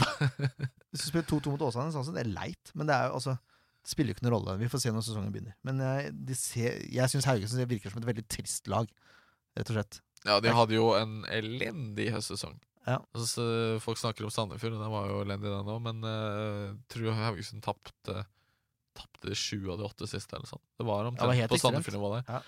Så de var vel oppe i Akkurat som Sandefjord, så var de oppe på en sånn fjerde Nei, femte-sjette, da. Og så var det helt kaputt på slutten av sesongen. Ja. Så fortsetter de i samme stil, og det, det er ikke noen stor Store signeringer eller noen grunn til å se Det er veldig likt som Sandefjord, egentlig. Dårlig sesongoppkjøring, Ja. svak høstsesong og Ja. lite spillere inn. Så det er jo ikke, det er ikke så mye som tilsier at de skal plutselig gjøre det bra, men Nei. Vi får håpe at Hauge, Treningskamper er treningskamper. ja, Jeg håper at Haugesund tar den rollen som Sandefjord har blitt spådd nå i media. Ja. Det er mitt håp. Det er fint. Kristiansund skal inn i den vanskelige andre sesongen. Eh, Sandefjord har aldri holdt seg to år på rad. Jeg tror det blir vanskelig for Kristiansund også. Jeg tror dette året Sandefjord klarer det, og Kristiansund eh, skal få slite litt til. Håper jeg. Vi, Eh, vi får håpe det, for Kristiansund er et av få lag som er, Som fort ender bak Sandefjord, sånn realistisk sett. Så ja, jeg, faktisk. Så De har henta fem nye spillere. Blant annet da Bendik By og Åsmundsen. Eh, Bendik By spilte jo sammen med uh, vår gode venn uh, Stokke i Levanger. Og hadde vel et veldig bra partnerskap der. Uh, ja, vi får se, da. De har mista seks spillere, blant annet Mendy og Torske. Og så har de ikke hatt noe strålende oppkjøring, det heller. Det er to seire, som Sandefjord. Uh, Ranheim og Krasnodar. Spilt uavgjort mot ÅFK, og så har de tap mot VIF, Molde og Haugesund. Jeg tror de er avhengig av at Stokke har en like god sesong som i fjor, ja. og at de beholder den, ikke selger den. ja, han er, han er veldig viktig, og så er de avhengig av å opprettholde den gode hjemmeformen som de har hatt, og at Ja. entusiasmen holder seg, holder seg der oppe. For der er det, der er det bra trøkk, altså. Ja, det er det, ja. Vanvittig. Det, der går hele bygda til kamp. Det er, liksom, det er første gangen de er oppe, ikke sant. Det er Mm. litt sånn Sandefjord i, i 2005-2006. Hvor man eh, Kristiansund ble jo Det laget her ble starta i 2004. Så de Mm. eh, 13 år etter Sandefjord gikk vel enda fortere. Det gikk jo bare åtte år. Men eh, ja, det likevel det er litt av den uh, Litt av den entusiasmen man så i Sandefjord i 2005-2006. da Og så er det sånn at Kristiansund kommer ikke til å bytte trener hvis det går dårlig.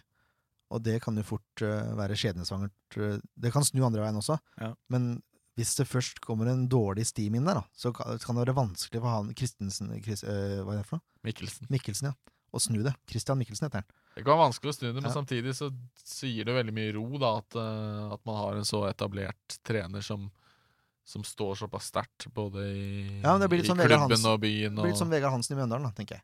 Det tror jeg det er greit sammenligningsgrunnlag. Jo da, og det er ikke noe altså, Hvis Kristiansund ligger langt nede der, ligger på en 15.-plass, de kommer jo ikke til å bytte trener midt i sesongen. Det er ikke noe krise for Kristiansund å rykke ned. Nei, de kommer til å rykke opp igjen nå øh, ganske fort igjen, tror jeg. Men jeg, jeg tror liksom at, at, den, at den roen er at man liksom har såpass troa på det prosjektet de driver med, kan, kan føre til at de holder seg enda en sesong. Men de er avhengig av, av spissene som skårer mål på hjemmebane. Ja, men hvorfor skal Benjamin Stokke slutte å skåre? Nei, jeg sier, men de kan jo miste den. Det kan de. Kan jo miste han der eh, Ambamba. Han er ikke skada, han? eller? Nei, jeg tror ikke det. Jeg tror han er klar. Uh, Bendik Bye er ikke så god som Bamba og Stokke, syns jeg. Han er, Det er et uh, uforløst potensial der. Altså. Ja, ja, absolutt. Men, han er man, men det var ikke så mange som så at Benjamin Stokke plutselig Nei. skulle putte tosifra ja, i Eliteserien. Noen av de trenerne som har hatt den, så jo det. Si, han jobba så ekstremt hardt. Ja. Hadde, han ansatte jo løpstrener og sånn, var det en eller annen som sa. Lurer på om det var Tor Todesen som sa det. Uh, Sprinttrener, altså. Kristiansund, jeg, jeg håper det blir vanskelig andre sesong for vår del. Eh, og så er det Ranheim, da. Altså For norsk fotballs del så håper jeg ikke Ranheim holder seg. For Frank Lidals del så håper jeg det av hele mitt hjerte, for jeg liker Frank veldig godt. Men eh, For Sandefjord fotballs del så er det vel veldig viktig at de rykker ned. ja, det er det. At de tar den ene plassen, det er veldig viktig. Og Grunnen til at jeg sier at det er forferdelig for norsk fotball, er jo fordi de har amatørkontrakter. Det er ingen av de som er fulltids fotballspillere. Alle går enten på skole eller er i jobb ved sida. Reginiussen, kapteinen, skulle egentlig på kickoff på Åråsen, men kunne ikke fordi han er revisor og måtte gjøre ferdig revisorjobben sin, så han måtte sende inn visekapteinen. Samtidig syns jeg det hadde vært ufattelig morsomt hvis de klarte det. Jeg er helt enig. Eh, og de har gjort en kjempe, kjempejobb der oppe. Nevnte Reginiussen er den eneste mannen i stallen som ikke er trønder. Ja, og han er, han er solid. Nei, jeg ser litt som eh, Jeg føler det er litt, noe kanskje litt sånn Samtidig som det høres helt vanvittig ut, for de skal jo gå ned. De Ja. burde egentlig ende sist, i hvert fall rykke ned. Så er det litt sånn Norsk fotball liksom på vei mot avgrunnen. Kanskje man når bunnpunktet med at Ranheim overrasket ender midt på tabellen. Eh, Det blir ja. en gjennomgang av all trening i norske klubber. Det, Ja, men det bør det være, da. det burde det allerede vært. Ja, men, ja, ja, det burde det faktisk. Sogndal burde, burde jo virkelig gå i seg sjøl. Det mener jeg helt seriøst. Ja. Som, som tapte kvalik mot Ranheim. Ja. Altså, Ja, samtidig så er jo Sogndal en liten bygd som egentlig ikke skulle vært oppe i det Nei, hele det tatt. er- altså, det er vel andre klubber som heller burde men de har, de har kun deltidskontrakter her. Ja, det er, det er ufattelig imponerende. Og de har, hvis de har Jeg vet ikke hvor mange de har i stallen, men hvis de har 20 spillere i stallen, stallen, så er 19 av de trøndere. Reginussen har vært der i mange mange år, så han regnes nesten som trønder, han også. Eneste som er litt synd, er at det er jo utrolig få som er på kampen der oppe. De hadde snitt på 600 mennesker eller noe sånt i Det tror, jeg tar, det tror jeg tar seg opp. Det tar seg opp. Det, Det, det, må vi gjøre. De må jo få over 1000. Men, eh, Ja. men det er jo ikke noe voldsomt engasjement. Det er det ikke, fordi man har jo et lag som Ja, Rosenborg i selvfølgelig. nærheten. ikke sant?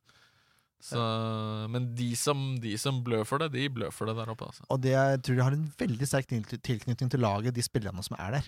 Absolutt. Det er litt, eh, det er litt sånn eh, Nå er vel ikke du så glad i Mjøndalen, du som sitter til høyre for meg, men eh, Det er Det er sånn- ingen som er glad i Mjøndalen, bortsett fra de som bor i Mjøndalen. Ja, og Jokke, da. Jokke har godkjennelse til å være glad i Mjøndalen. men det er litt sånn, det er litt sånn alle gutta-feeling over den gjengen der oppe. altså. De har henta forresten ti nye trøndere til stallen. Eh, og så er det blant annet Blant dem altså, er Helmersen, kjempetalentet for Rosenborg, som var skada i fjor, men som har spådd en lysende karriere som spiss. De henter jo ikke trøndere fra øverste hylle heller. Nei, Som regel ikke. Uh, nei, åssen er det der, da? Uh, jeg leste en, en eller annen diskusjon mellom Frank Lidahl og, og Einar Håndlykken for Odd var den som hadde mest selvutvikla spillere i stallen. Mens Ranheim har kun trøndere. Altså Det er litt sånn ubalansert der, da. Fordi Ranheim henter spillere uh, fra de er 18 til 22, eller den duren der, mens Odd henter de fra de er 16. Ikke sant? Ja, Odd er ikke de som bare legger inn bud fra spillere i nabofylka? Som regel. uh, uansett, da. De har sluppet, uh, sluppet sju spillere som ikke har noe stort kjennskap til. Uh, men de har fortsatt eh, Det er trøndere, det òg, sannsynligvis. de har hatt en god sesongoppkjøring. Eh, seks seire. Nå ja, faktisk, jeg, jeg så en tabell. Ranheim er det laget i Eliteserien med best treningskampresultater. Men hør nå. Nå skal jeg lese opp de resultatene. Eh, Kolstad fra Trondheim 5-0. Stjørdalsblink fra Trondheim 2-0. Orkla fra de, Trøndelag 6-0. Nardo fra Trøndelag 6-0. Levanger fra Trøndelag 3-2. Og Rosenborg fra Trondheim 3-1. Er Nardo også er jo Trondheim. Ja, jeg sa det. Nei, Trøndelag, sa du. Ah, unnskyld. Ja, men Poenget er at Ja. det er jo små klubber i Trondheim. Mye av det de Sparer spilt jo veldig med reisekostnader. Det er jo Ja, litt som at Sandefjord skulle spilt treningskamper mot Storebergan og, og Ja, det er å dra litt men det er vel Det veldig er mye ikke mye om å gjøre. Det er vel veldig mye andre Nardo og Stjørdalsblink og så videre. Er ikke Altså. det her veldig mange andredivisjonsklubber, da? Uten Jo. at jeg eh, Jo, jeg tror det. Orkla er vel i tredje divisjon. eller sånt. Eh, Men uansett, det er bare Trondheimslag som de har slått. Det er litt morsomt. De har to tap mot Hafnarfjørdur og Det er laget til, til Palsson, tror jeg. Ja, kanskje. Ja, kanskje. Spiller ikke noen rolle, egentlig. Ja. Nei, nei, nei, det var bare en ja, En liten digresjon der. Og Kristiansund, som er i nærheten, kan vi vel si. De har holdt seg lokalt, da. Ja da. Men, Nei, eh, men, De har ikke brukt så mye penger på reise. nei, men det er en av grunnene til at de har såpass bra sesongoppkjøring, er jo at de har spilt mot mye andredivisjonslag fra Trøndelag. Ja. Jo da, jo da. Men, Eh, eh, det er jo greit å spille på seg litt selvtillit òg. Mange Ja, snakker liksom at treningskamper er urelevante, men det er selvtillit er eh, aldri, aldri skadelig å ha med seg inn i sesongen. Ja da, ja da. Vi er ikke så opptatt av, av treningskamper her. eh. Men det kan vi ikke være sånn, for da blir vi deprimerte hvis vi skal være opptatt av treningskamper. Er bare se på de som er opptatt av treningskamper. De, De blir de blir irriterte, deprimerte, forbanna. Ja. Sånn er det.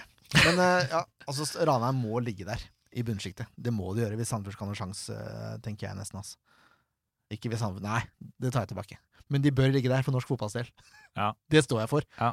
Et amatørlag kan ikke komme opp og holde seg og gjøre det bra i Eliteserien. Nei, det blir helt Da, da, må man- da må alle tenke nytt, som du sa i stad, Erik. Nei, hadde ikke det vært sunt og godt? Det hadde vært kjempemorsomt for Frank Nei, jeg, jeg håper uh, Angrer jeg på at jeg ikke satte Ranheim på tien eller noe sånt. Heller Ranheim enn Start da, som overraskelseslag.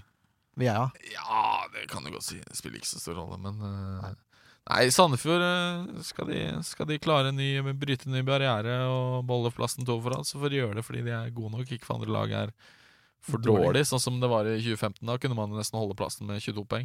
Sandefjord hadde tapt nesten hele sesongen, og likevel så hadde de en mulighet for å klare seg, så Nei, de må fortjene det. Helt enig. Så. Nå har vi holdt på en stund, så det blir nok nærmere halvannen time. Leif Tore. Skal ikke se bort ifra det. Eh, vi skal, jeg spurte dere, dere lyttere i går eh, på Facebook om det var noen temaer dere ville at vi skulle ta opp. Så jeg tenkte vi kunne gå gjennom de temaene så raskt det lar seg gjøre.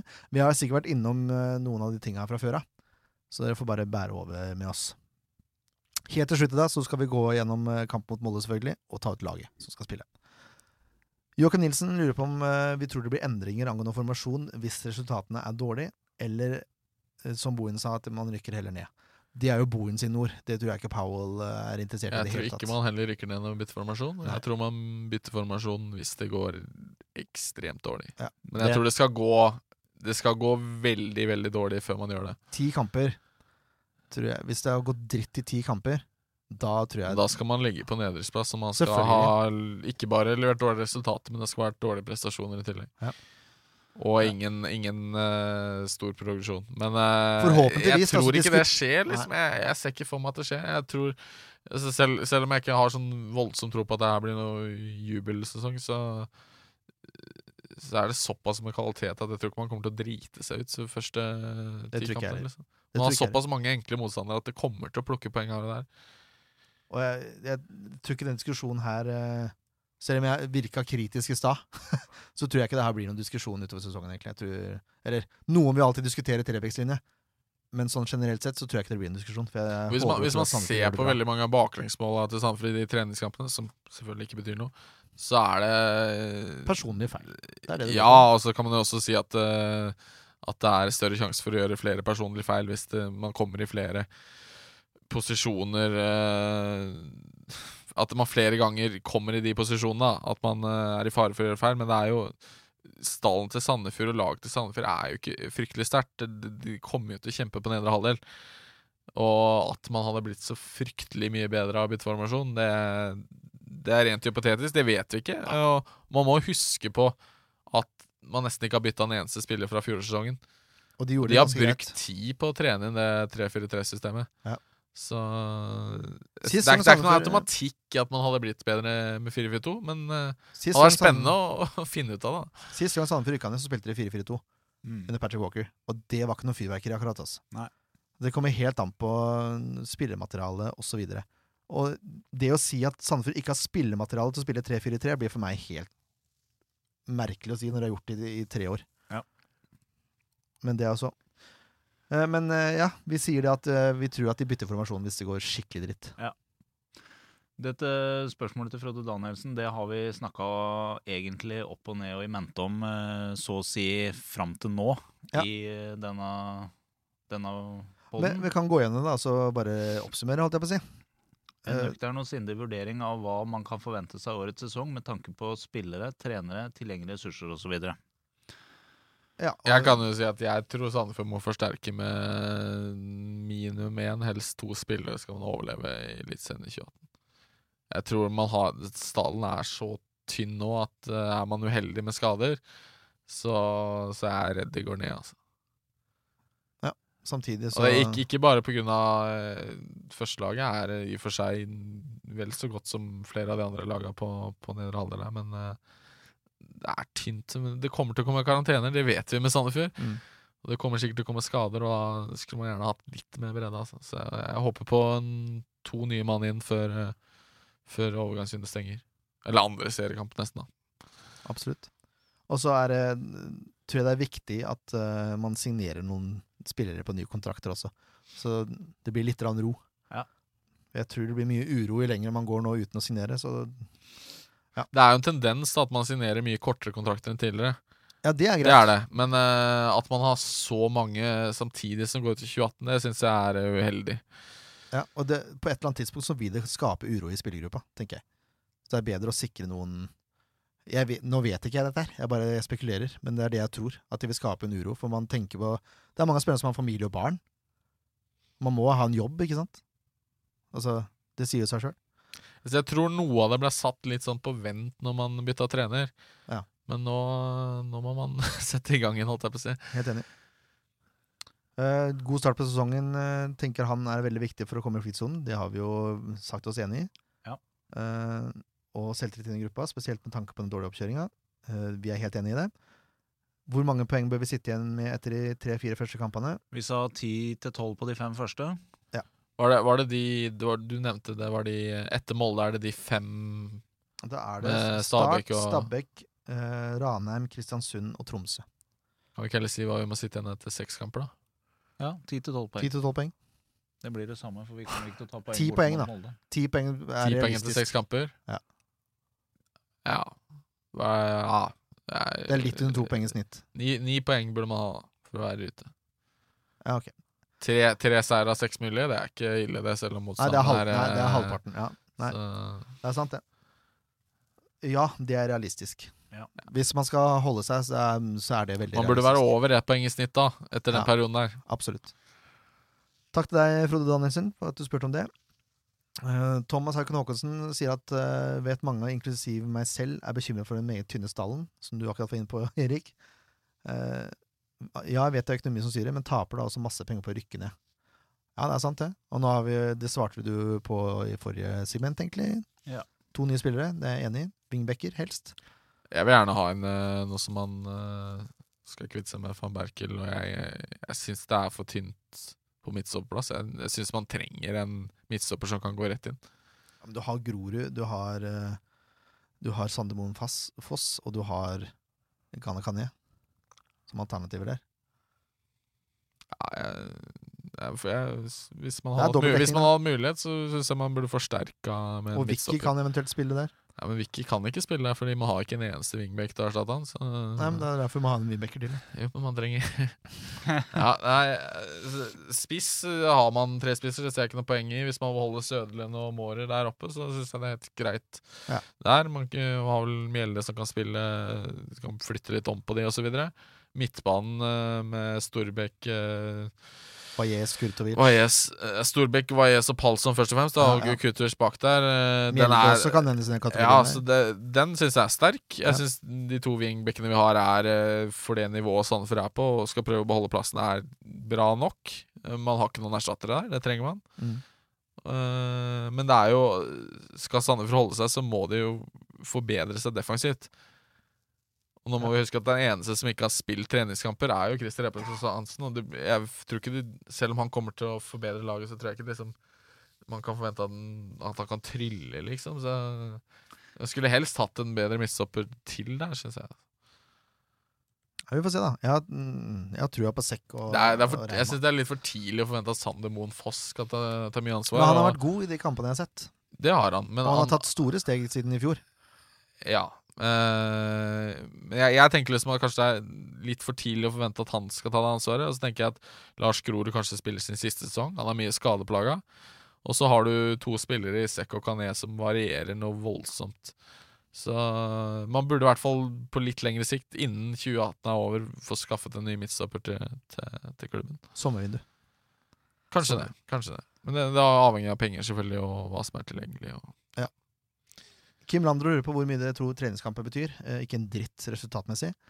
Det mener jeg helt seriøst. Jeg tror ikke det, jeg tror ikke det spiller noen som helst rolle for de spillerne som spiller. Ikke jeg heller. I hvert fall ikke etter fjoråret. Men det, det handler jo altså Hva var spørsmålet? Det var hvor, mye det betyr. Altså Prestasjoner betyr noe. Selvfølgelig.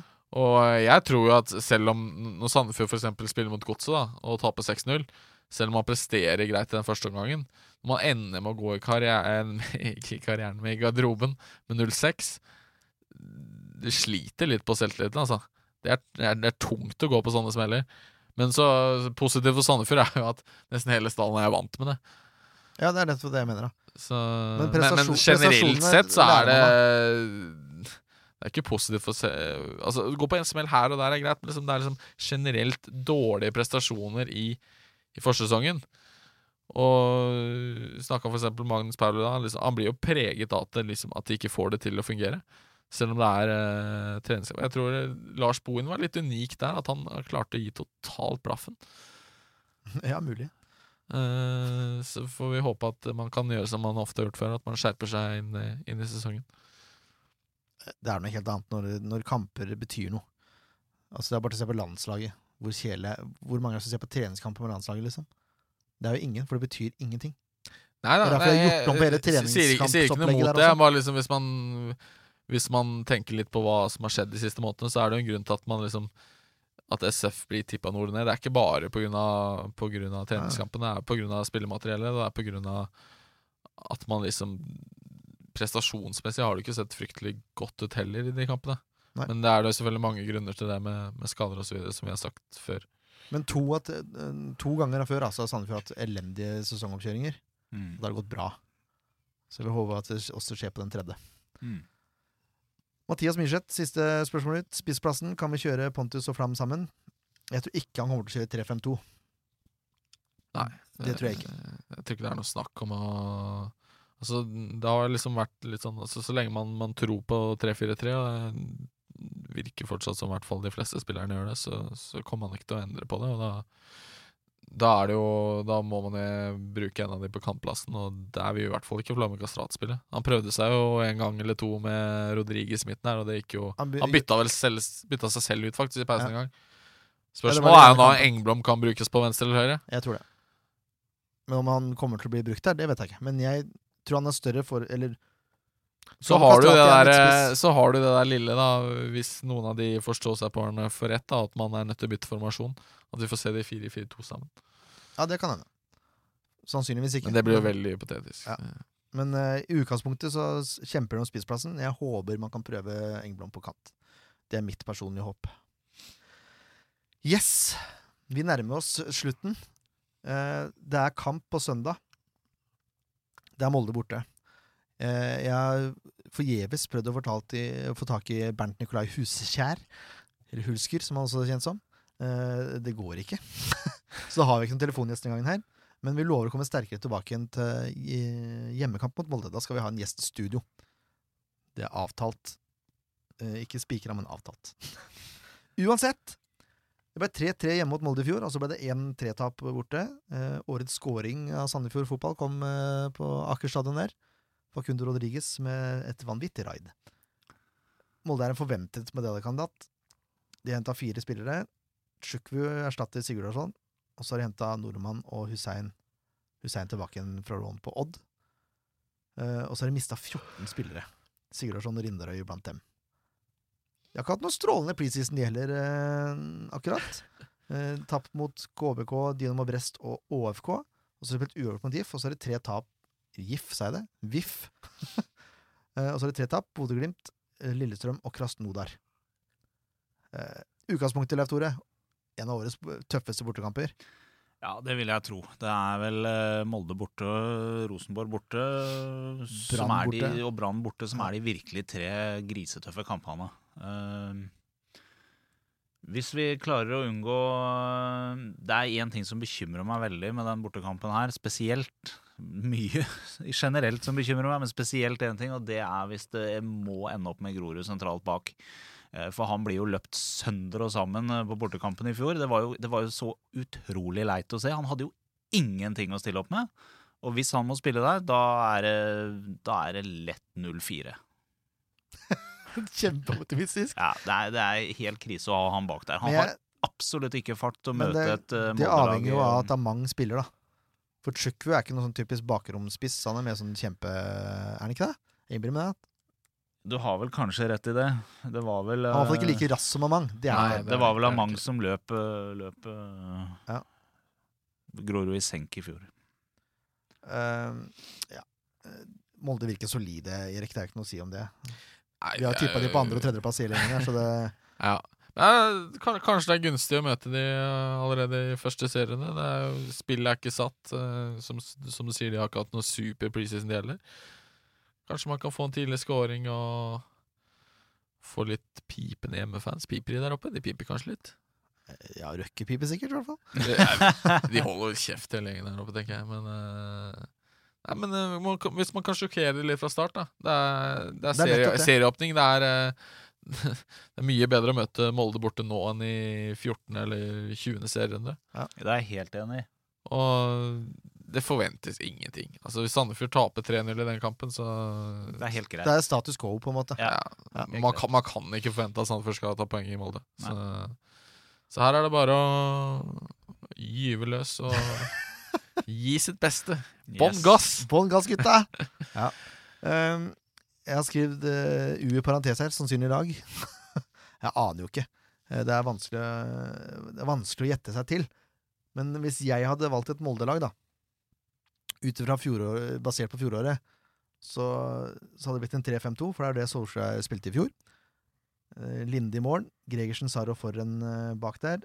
Remmer, Ellingsen, Hussein, Nordmann og Tello på midten, og Amang og Chukwu på topp. Jeg tror det blir Brustad og Chukwu. Skal være helt ærlig. Og Brustad har hatt en god sesongoppkjøring. Ja. Men Amang kan jo fort bli satt inn som en sånn uh, joker på grunn av fjoråret. Ja. Rett og slett. Så jeg skulle likt å faktisk sette Vi kommer tilbake til SFs lag senere, men eh, jeg skulle likt å Hvis de spiller med det laget der, da skulle jeg likt å se Pontus Engblom. Ja, vi kommer tilbake til det. Men det. jeg, jeg tror ikke det skjer. Det laget der, som sagt, det er jo bare rein tipping, så vi får jo se når vi live-oppdaterer da, åssen det går. Eh, Du skal til Molde, Erik. Det skal jeg. Du gleder deg? Det blir kaldt. Forventer du seiersintervju eller uh, hederlig tapintervju? Nei, altså, jeg har skrevet ferdig alle sakene allerede, så det det å blir fire igjen, 4-1. nei da. Nei da. Uh, nei, jeg har ikke det. Nei, Sandefjord kan overraske, absolutt, men eh, det er vel 90, 95 sjanse for at Molde vinner, tenker jeg. Gode odds på Molde der, altså. uh, ja, Skal vi ta ut et lag, da? Her blir vi sikkert ikke enige. Nei, altså, Jeg melder meg helt av med en gang. Jeg har ikke sett en eneste treningskamp. Jeg aner ikke Ja, men du vet jo hvilke spillere Sandefjord har. Jeg vet jo ikke noen ting om Pontus Det- Engblom eller noen av er de nye som er mye gøyere at du det er, tipper når du ikke har peiling. Ja. Og du, kan ikke, du får ikke lov å melde deg ut. Det gjør du ikke. Jeg kan si Du- nei til deres forslag, da. Ja, det er greit. Vi vet jo at Jonsson ikke er klar. Ja, Da blir det jo Holmen, Holmen Johansen i mål, da. Da har du enerett. Ja, det, det, det er noe Nå kjører du. Eh, Men så er det forsvarslinja. Jeg, jeg lurer på om Sandefjord går ut i en mer rein femmer enn de gjør en treer. Skal være helt ærlig. Ja, men det, det blir jo ofte sånn da når man uh, i, det, i, den, I det systemet SF har, Ja. at når man er defensive, så blir de uh, wingbackene veldig defensive. Ja. Så det blir kanskje en med at det ligner litt mer på, på 5 5-3-2. Det, det kan godt hende. Altså. 5-4-1. Ja, det blir det vel. Ja. Bare hyggelig. Det blir fort, det. Eller 5-2-3. Ja, Men vi kan ta, 5-4-1. Ja. vi tar ut en treer først, da. For det er, det er vanskelig. Det er det vanskeligste, egentlig. Ja. Men det er vel egentlig, sånn jeg ser det, bare fire kandidater. For jeg ser ikke for, på van Berken som en kandidat etter, etter det, etter det Så det er, det er Sander Mofoss. Så har vi de to senegaleserne våre. Ja. Og så har vi Lars Grorud. Lars Grorud spiller nok. Ja. Jeg frykter det. Jeg var egentlig Jeg var så sikker på at Sex skulle spille òg, til at jeg så at han ikke var i førstelaget på trening i dag. Ja vel? Er det seks som blir ofra istedenfor I Kanye? dag nei, det- Det kan ha vært litt tilfeldig, selvfølgelig. Men i dag, når de spilte 11 mot 11, så spilte de med Sander Moen Foss sentralt, Grorud på én side og Kané på andre sida. Så ha- hadde de litt sånn som du sa, jeg syns kanskje wingbackene var litt dype, men det kan ha vært tilfeldig òg. Kanskje du er inne på noe. Men altså, de, de blir jo dype uansett. da Skal man spille i 3-4-3, så blir de dype mot Molde. Det er de nødt til å bli, hvis ikke så taper Men Paul- Sandefjord mer enn uh, Ja. 0-3. Powell sa det at de skulle endre på laget og kanskje overraske litt. Fordi man skal, uh, man skal endre på laget i forhold til hvordan motstanderen er. Mm. Og Molde er jo, skal jo gå ut hardt. Man vet jo at, liksom at, de, at det har vært gjort veldig mye rart i disse treningskampene. Ja. Og det er ikke bare de i forsvarssjekka, det har vært andre spillere også, selvfølgelig. Men uh, problemet er liksom det. Man kan jo ikke bytte ut, uh, bytte ut uh, halve, halve treeren, for det er bare fire mann å velge med, egentlig. Skulle jeg valgt en å benke, så hadde det vært Kané. For jeg syns han gjorde mye rart mot Odd. Syns han gjorde mer rart enn Sekk. Hadde én sånn hurra meg rundt-vending hvor han mista ballen. Og jeg vet at Power klikka. Men jeg syns Kané gjør mer rart med ballen enn Sekk. Og Sekk har en tendens til å stå fram i de kampene som er vanskelig, da. Hadde du spurt meg før den kampen, så hadde jeg tenkt at eh, du må jo spille med Sekk, Kané og Grorud, rett og slett fordi de har mest erfaring og, Ja. og så videre. Men eh, det kan jo hende med- skal bli en overraskelse at Moen Foss får sjansen. Hva med Grorud, Moen Foss og, og Sekk? Det er det laget jeg har lyst til å se, i hvert fall hvis du skal Moen Foss sentralt. Det er der han vil spille, i hvert fall. Det er vel der kanskje Grorud vil spille òg. Men Grorud klarte seg greit på høyre fall Venstre. Han spilte mot venstre mot Odd. Ja, mot Odd, ja. ja. ja. Men i fjor tenkte jeg på. ja. Nei, jeg, Grorud kan vel brukes som et greit alternativ på alle de tre plassene, egentlig. Ja. Uh, Men vi sier det, da. Selv om formasjonstreninga da sier Kanye, så sier jeg sekk isteden. Ja. Ja. Er det greit? Sekk på venstre, Moen Foss i midten og Grorud på høyre. Ja. Eller så kan vi eventuelt bytte sekk og Grorud. ja, du har sekk i midten? Nei. Nei, Moen Nei. Foss i midten. Jeg har sekk på høyre og Eller omvendt. Ja. Sekk på venstre. Ja. Ja, det kan hende. Ja. ja, vi får se. Jeg, jeg, jeg syns det er veldig åpent, altså. Men nå bestemmer vi. Det er det som er Nå skal vi vi må- bestemme vi hva må- vi syns er best. Ja. Selv om de har gjort mye rart, så hadde jeg brukt sekk, Grorud og Kané. Altså. Grorud i midten. Jeg er skeptisk til Ja. Grorud i midten fordi, det er fordi ikke bra. på grunn av farta. Ja. Sorry, Lars, men Amang er raskere. Ja. ja da Men det- Hvis, hvis, hvis, da kan vi, det- ja. Da må vi ha sekk på høyre da, og Grorud på venstre. Det er greit. Det er greit. Få ta det, da. Vingbekkene er greie. Men du har Moenfoss fra start? Ja. Han får prøve seg. Ja, Det er, jo ingenting å tape i Molde. Nei, Nei, det er nemlig det. Nei, nettopp Det det. Kan Lise få lov til å prøve seg først som sist. Men må han ha proffkontrakt først, da? Må ikke det? Han kan spille, han. Ja, han kan spille. Ja, vi sier det. Wingbackene er jo greie. Det er Vicky på høyre og Jokke på venstre. Ja. Det er veldig greit. Det er greit. Eh, Det er greit sentralt òg. Det blir Storbekk og Henrik. Det er Ja. ikke noe snakk om engang. Nei, det tror jeg også. Og så blir det Måre og Sørlund og, og Kastrati. Ja, det gjør nok det. Kunne, kunne blitt uh, godeste Pontus, men jeg tror ikke det skjer. Jeg tror uh, Flamer har vært såpass tent og Ja. god i preseason at han kommer til å starte den kampen. Du kan ikke benke Flammer i den kampen her. Du kan jo. Nei, det Det er bare ikke. benken. Ja, men det kan du ikke gjøre. Ja, ikke fra start. Da er det bedre å, å sette inn Pontus på en uh, kantrolle, som jeg har sagt utallige mange ganger i dag. Der har du Fordi- to bedre kandidater. Ja, det har vi. Mm. Men hvis du først skal bruke Engblom, da. Jeg tror, tipper Engebom kommer inn etter 60, hvis ikke det Hvis Sandefjord ligger under. Så tipper jeg han kommer inn etter 60. Men eh, ja, får vi noe bakrom da? Får vi se. Jeg tror, jeg tror ikke Molde gidder Nei, men, men eh, helt realistisk sett så starter nok Kastrati Altså Egentlig er hele eh, midtbane og spissplass og keeper er klar. Det er spørsmålet er egentlig, tror jeg, da. Hvem som starter i det forsvaret. Ja. Det tror jeg er ganske åpent. Vi får se på søndag. På søndag vil allting skje. Det vil det. Nå skal vi ha resultattips før vi takker deg for oss, Leif Tore Markmann. Ja, jeg eh, skal være litt optimistisk oppi all eh, det pessimistiske knytta til en bortekamp i Molde, og si at vi, eh, som eh, Erik var inne på, vi gjør noe litt kult på begynnelsen, overrasker og putter en, en litt tidlig scoring. Og det er den eneste vi dessverre får, mens vi må hente tre ut av nota sjøl. Så det blir eh, 3-1 til Molde. Oi, jøss. Erik? Nå skal jeg gjøre noe så uvanlig som å være ekstremt positiv. Den kampen her eh, vinner vi 2-1. Oi, oi, oi! Nei, det gjør vi ikke. Faen, det, det, det skjer jo ikke. Jeg klarer ikke å stå inne for det. Eh, kan ikke du gå først, da? Jeg tipper tre, jeg. Ah, til Selvfølgelig. Sandefjord? Selvfølgelig. Jeg trodde du skulle tippe til Molde. Bare Å, for å nei, bare nei, holde nei. på treen. 3-1 til Sandefjord. Du tror jo ikke Som på alltid. det. Jo, jo. Nei, de gjør det ikke. Innen, jeg har en eh, tro på det, jo. At de vinner 3-1 i Molde, Ja, ja. det tror du ikke på. I hjertet mitt, så tror jeg. Ikke i huet. Mye rart i. Målskårer Kastrati. Ja. Målskårer eh, Chukwu. Målskårer Grorud. Målskårer Vajez Pratt. I den rekkefølga. Jeg, jeg vet du hva? Jeg skal, jeg, jeg, jeg, sier ikke ekstremt positiv. Jeg skal være positiv. Vel, veldig positiv. Jeg sier 1-1. Det kan jeg stå for. Det er bra. Hvem skårer, da? Det blir eh, André Sødlund. Oi, oi, oi.